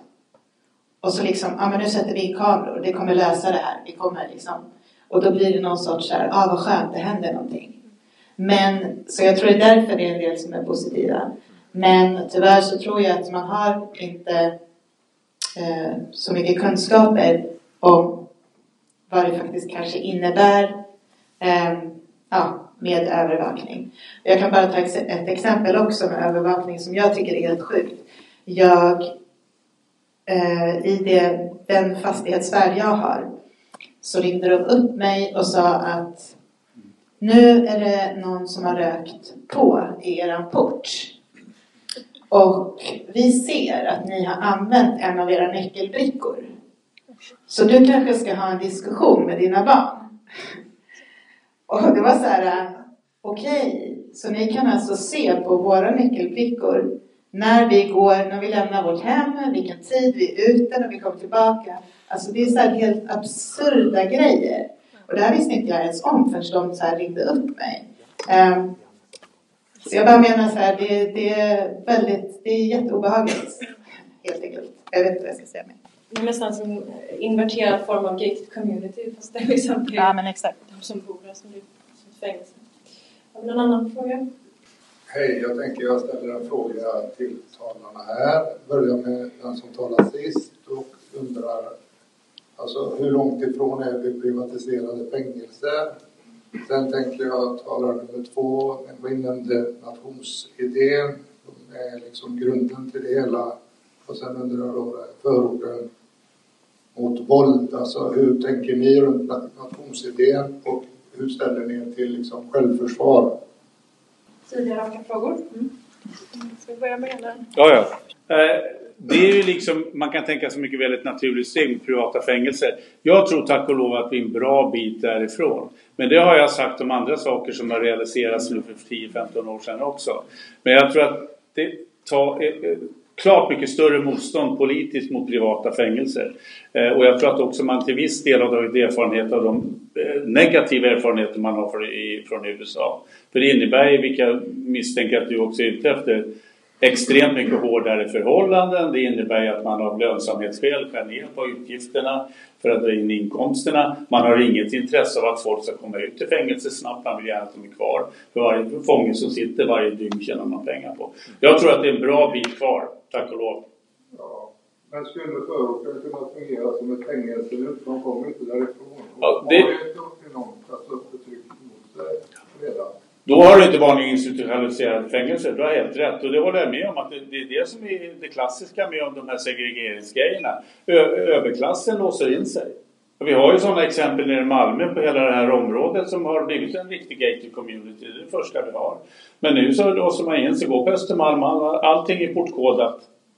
Och sen så vill man segregera då folk i förorten som, som eh, ska hålla sig där. Så på det sättet kan man säga ja det är väl en sorts fängelse även om man... Jag skulle vilja säga att det är som ett, en, en, en öppen anstalt med frigång. Alltså, frågan handlade om nationen och nationens roll. Ja, alltså både nationen naturligtvis. Alltså jag tänker att vi måste förstå polisens roll i relation till nationalstaten. Alltså den upprätthåller ju nationalstatens eh, ordning så att säga. Och om det var välfärdsstat en gång i tiden så var det ju välfärdsstatens ordning. Och det är ju liksom också kapitalet, alltså ett kapitalistiskt samhälle vi lever i. Tänk att det är en grundläggande marxistisk förståelse utav polisens roll där. Liksom så. Och alltså, jag är väldigt inspirerad av en, en snubbe som heter Etienne Balibar som har det här begreppet klassrasism. Liksom så. Vad är den här national... Men den delar dels upp oss då i, i liksom nationer och det påverkar så, våra föreställningar om varandra och vissa är si och andra är så och tredje är si. Liksom. Det, det är liksom, eh, och sen så har vi också den, den uppdelningen i klasser. Liksom, så, så eh, vi pratar mycket om klass men liksom, rasismen är ju liksom en, en, en sammanvävd med, med, med, med klassamhället så att säga. Utifrån mitt sätt att se på det. Eh, och det gör ju det liksom Ja, det är därför jag försökte säga det här med att det är en trojansk häst, liksom, så det här begreppet rasprofession Jag måste alltid förstå jag får aldrig glömma bort vad som är polisens roll. Liksom, så, eller.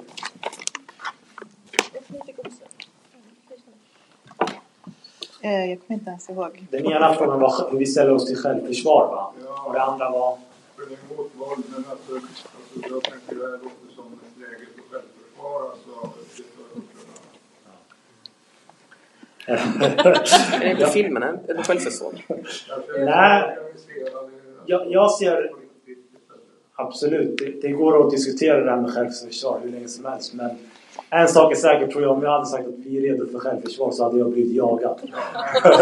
men, eh, men det jag kan säga är, jag ser självförsvar som ett, eh, som till exempel att kunna sina rättigheter ser jag som en del av, av självförsvar. Eh, att vara påläst, eh, ha koll på till exempel den informationen som Snutkoll ger ut på sin hemsida om hur man ska agera i vissa situationer. Och bildning framförallt, men också organisering, att man organiserar sig och ja, kräver sina rättigheter helt enkelt. Det ser jag som en form av självförsvar. Ja, alltså det kräver en rättsstat som är fungerande också om du ska liksom alltså påtala rättigheter och mänskliga rättigheter. Alltså det känns ju inte riktigt som att det är där. Men det här vi gör ikväll till exempel är väl en del av medvetandegöra och diskutera och bildning? Ja. Jag tänkte bara tillägga precis det som uh, Ilja sa här att uh, absolut organisering och att självförsvar är liksom att kunna sina egna rättigheter och sånt. Men sen tänker jag också som till exempel uh, vi hade en eh, föreläsning igår tillsammans med Snutkoll på Folkets Husby och där de just pratade om till exempel det här att, att filma tillbaka. Eh, och en del av de här sakerna som vi har sett nu i media och sådär och de här filmerna om till exempel eh, väktarvåldet och så. Eh, det är ju inte enstaka händelser. Det är enstaka händelser som har kommit upp till media. Liksom, men det är inte enstaka händelser. Det är ett mönster som liksom det finns jätte, jättemycket att ta av. Men varför det har kommit upp är ju just för att vi har lyckats fånga det på film. Så att liksom filma tillbaka det är också en del av eh, självförsvar här, äh, självförsvar. God kväll allihop. Eh, jag heter Amilcar, eh, jag kommer från Argentina så jag har en fråga eh, och jag behöver hjälp av honom så hon kan, han kan översätta. Alltså. Kan, kan jag säga på, på spanska? Dale. Eftersom i Argentina har vi ett stort problem också med polisen och rasism. Och eh, jag skulle vilja veta eh, vad säger eh, lag om det här och eh, the Supreme Court of Sweden if, if you already got uh, some cases that uh, they, they can interpret or how it, how it works here. Du behöver inte att jag översätter. Eh, eh, eh, ah, bueno, está que yo traduco, está perfecto. Yo creo que está, está perfecto. Está, todos entendieron. It was a bit longer in Spanish. But... Take it in Spanish. okay. Eh, por, eh, Pero voy, voy traduciendo frase por frase. Ok. Eh, en Argentina esta situación se regula conforme a un artículo de la ley penal. Det finns en, en, en artikel i, i lagtexten helt enkelt som, som det här regleras genom. Eh, que establece cuando eh, la policía puede actuar. Som eh, fastställer när polisen får agera. Eh, establece dos palabras eh, que, eh, que son muy subjetivas y dejan a la interpretación amplia. Och det är två ord som, som de bottnar i, som är väldigt subjektiva ord eh, och som kan tolkas väldigt brett.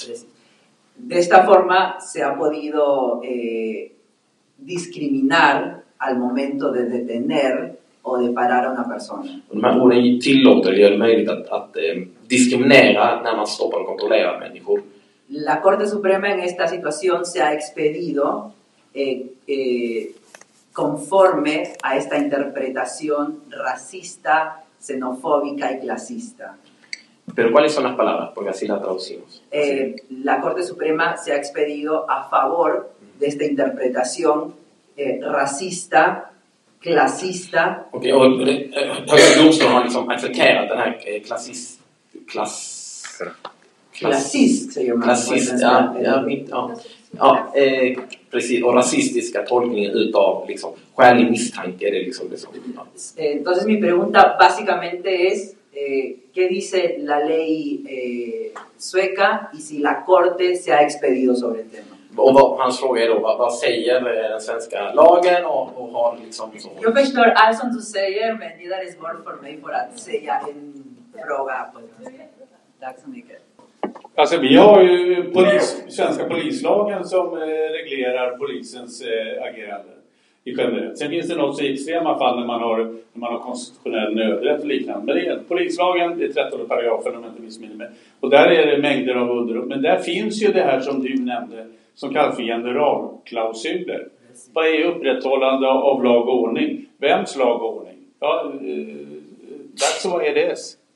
Längre kommer man inte och polisen menar att man måste ha det här som man kallar för diskretionsutrymmet. Att vid vissa specifika områden av tolkning skulle vara väldigt strikt så är man rädd för att man ibland skulle bli tvungen att släppa det som skulle kunna vara kriminellt beteende. Och därför behöver man det här. Ofta är lagstiftningen uppbyggd på att det här är förbjudet exakt om det händer, da-da-di, da-da-da, bara bom och så går det ner på ett antal eller andra liknande omständigheter. Och så avslutar man med det för att ha det här.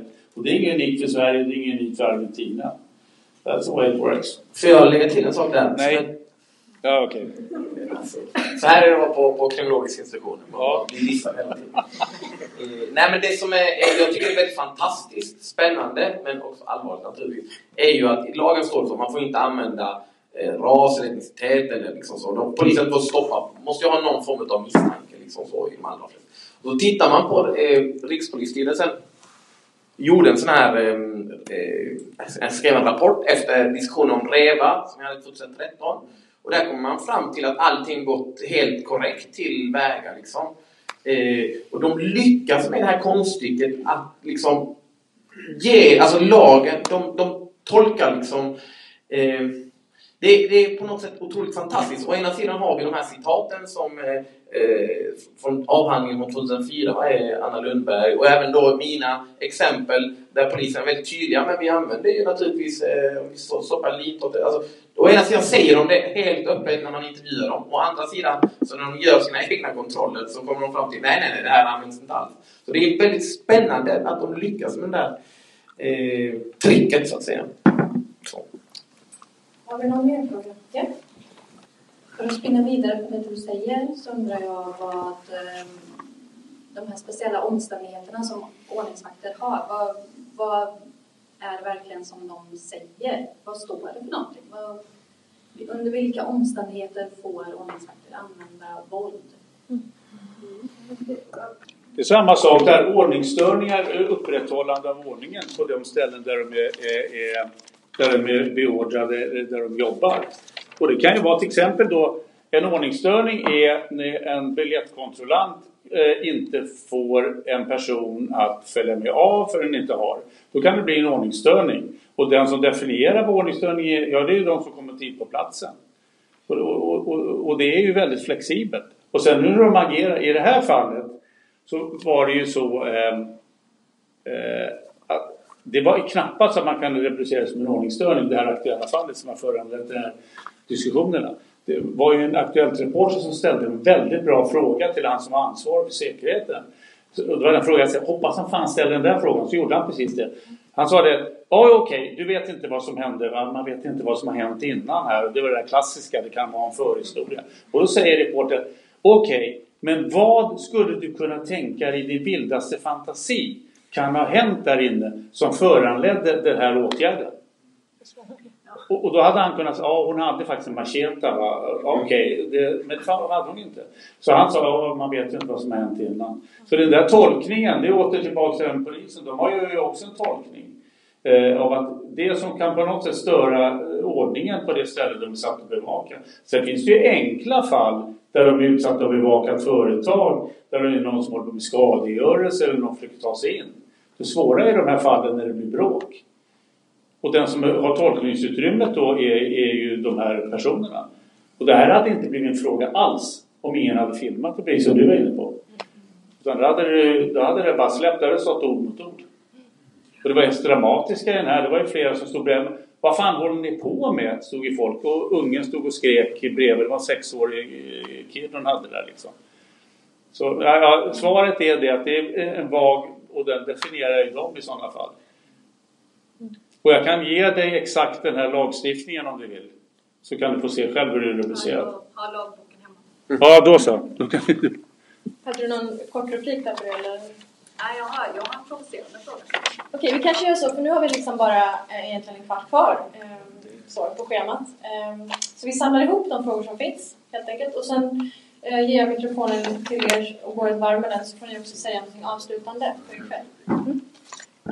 Så en fråga här. Um, jag som socionom ser inte brottslingar som, som polisen gör. Uh, ser inte deras uppdrag riktigt på samma sätt. Um, så att jag, jag undrar, hur ställer ni er till, och är riktat till allihopa, en avkriminalisering för att minska våldet uh, mot ungdomar främst? Behåll den. Ja, um, det var jättespännande. Uh, en kort fråga där bara. Ja, en kort fråga så får jag försöka göra. Uh, fast det är en ganska stor fråga. Alltså, uh, särskilt nog uh, är det till, till Janne. Ja, du säger att polisen är, är inte en sak och, och det kanske gäller historiskt också tänkte jag. För det har varit en större uh, så kallad reform med polisen. Och jag minns att uh, polisordföranden var extremt upprörd över den där reformen och dens konsekvenser. Det har att göra med New Public Management och sådär. Den har krossat deras organisation. Det har förhindrat den att följa all etik som den, de, de, de lyder under. Och jag tänkte, bara för att vara helt konkret, det är man det också äh, Leo, då, att man, man visiterar en person tre gånger om dagen. Det ger jättemånga poäng, men man måste kvantifiera allting och det är kanske lite svårt. Och, och, och, och då lyckas man med det. Och då har liksom kanske det som händer ute på gatan en hel del att göra med, med eh, polisens eh, organisering och omorganisering. Mm. Enligt riktlinjer som styr hela vårt samhälle. Mm. Har vi någon mer fråga? Ja. Eh, jag tyckte att du ställde en relevant fråga som jag tror att du inte fick svar på. Vad vi kan göra, eh, civilkurage, förutom det här med att filma tillbaks mm. för att stoppa eh, övervakningen. Mm. Som jag tror försvann lite. Mm. Okej, okay. det var de tre. Ska vi köra Leo och sen eh, Det var ju tre väldigt relevanta frågor. Eh, avkriminalisera, jag tror eh, liksom absolut. Alltså jag tror att vi, vi eh, istället för repression så ska vi liksom eh, vet, om folk röker på, då är det ett bruk. Eller liksom, alltså det finns massa saker exempel, som vi behöver göra med människor än att typ, straffa dem. Så, för att, eh, så det tror jag verkligen på. Sen så behöver vi att polisen gör ett bättre jobb när det gäller de här skjutningarna. De har jättelåg uppklaringsprocent. Och det är ett allvarligt problem som är kopplat till det här med raskonflikt. De inte har förtroende bland dem de är satta att skydda. Alltså, så därför är den här kritiken som, som bland annat jag för är viktig också utifrån ett polisiärt perspektiv. Jag. Så det är för att svara på den frågan. Jag tror det här med eh, nyliberalismen och New Public Management, jag tror du är inne på en väldigt spännande sak. Eh, naturligtvis så påverkar det deras organisation jättemycket. Eh, jag skulle vilja säga en sak bara som eh, som är lite konstig med just eh, Alltså, det är också så att vi lever å ena sidan i en nyliberal era, men också i en fascistisk, liksom, eller där fascismen växer fram. Och då, eh, det är inte så himla effektivt egentligen att ha en gränskontroll mellan Malmö och eh, eh, Köpenhamn, där man stoppar varenda jävel som ska åka till Köpenhamn för att skapa en ekonomisk region Skåne. Praktik liksom. Så utifrån deras nyliberala effektivitetsperspektiv så är det ganska så korkat. Men då ser vi liksom att de här, här, den här åtgärden växer fram utifrån en annan logik som också är viktig att förstå. Och eh, det är den här mer repressiva, auktoritära vändningen.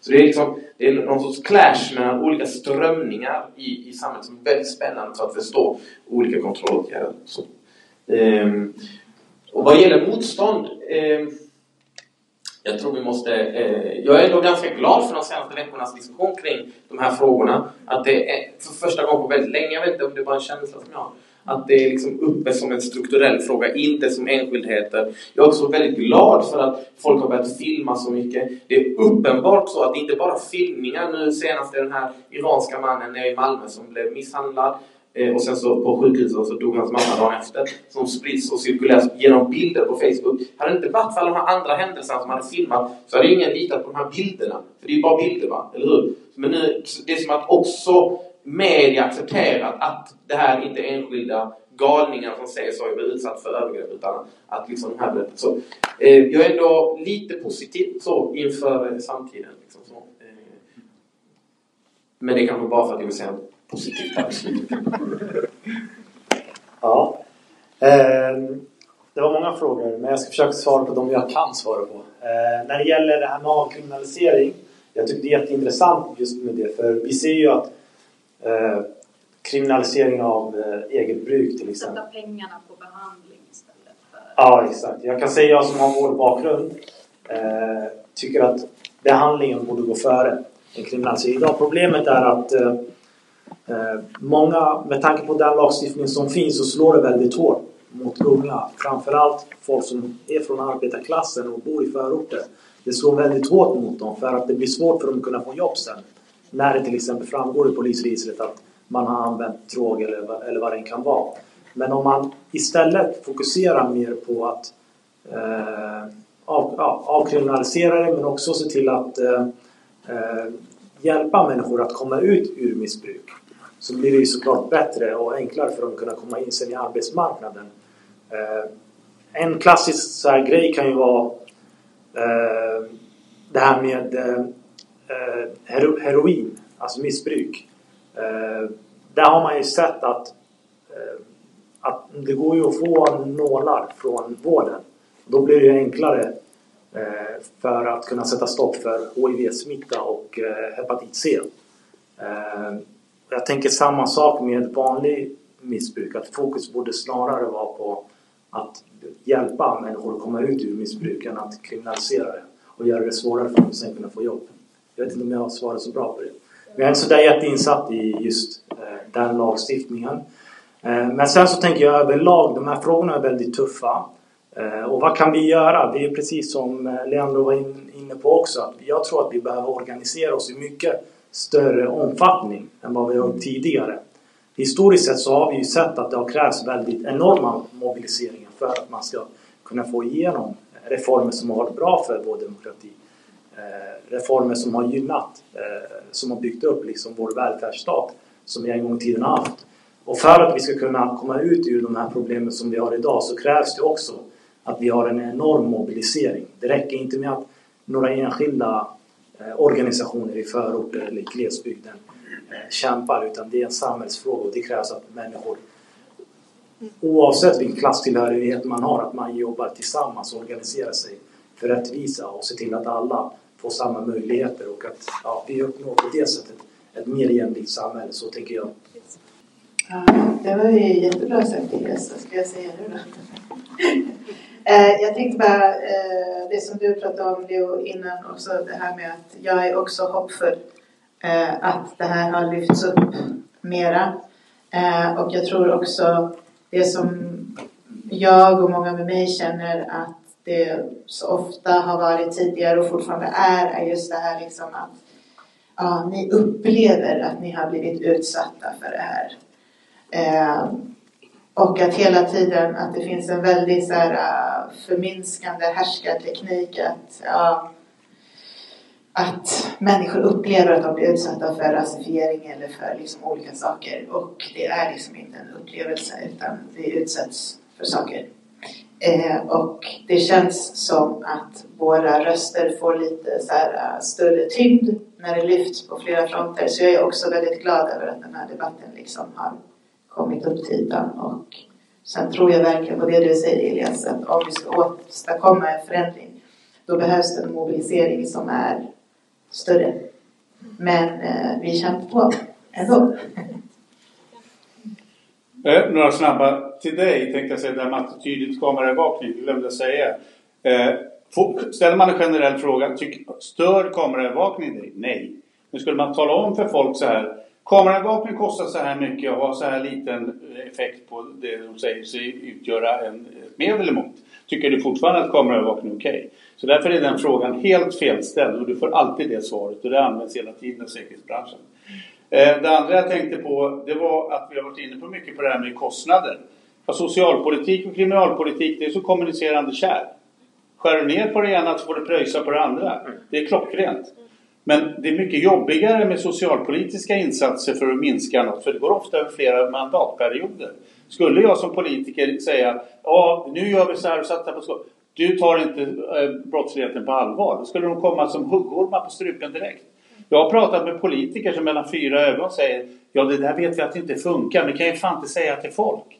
Så de måste visa någon symbolagerande som flera har varit inne på här för att visa att de är handlingskraftiga. Fast de ibland vet att det inte funkar. Och det är helt sjukt. Eh, sen tänkte jag säga det där med befogenheter. Jag hittade bara det. Man får eh, ordningsvakter. Och det här kom, framkom ju det här. Ordningsvakter får avvisa eller avlägsna personer som genom sitt uppträdande stör eller utgör en obehövlig fara för allmänna ordning. Ja, det bestämmer ju de. Om det inte är tillräckligt får ordningsvakten tillfälligt omhänderta personer. I första hand ska ordningsvakten försöka prata personen till rätta. Men får använda våld om uppgiften inte kan lösas på annat sätt, vilket uppenbarligen var aktuellt med den gravida kvinnan. Då. Det får inte vara fråga om mer våld än vad som är nödvändigt för dessa uppgifter. Batong och handfängsel är vanlig utrustning som kan kompletteras med hund och sällsynta fall skjutvapen. Men här ser du ju tolkningsutrymmena eh, genom det. Eh, något mer jag skulle säga.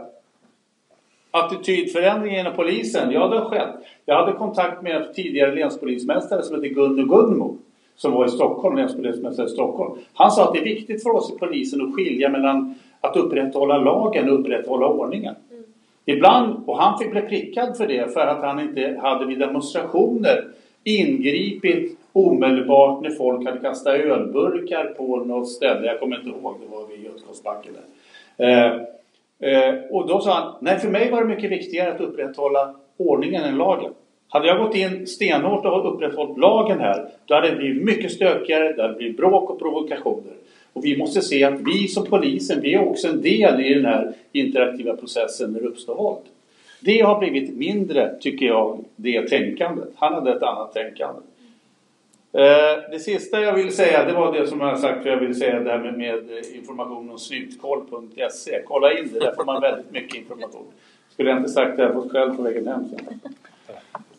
Tack så jättemycket och tack så mycket för era frågor. Eh, om jag ska säga något avslutande också då så funderar jag på ja, men kanske tre sammanfattande punkter på vad man skulle kunna göra och, eh, på kort sikt och lång sikt och direkt och indirekt och så vidare. Och det ena tänker jag är flytta tillbaka, nämnt, eh, och dela och sprid.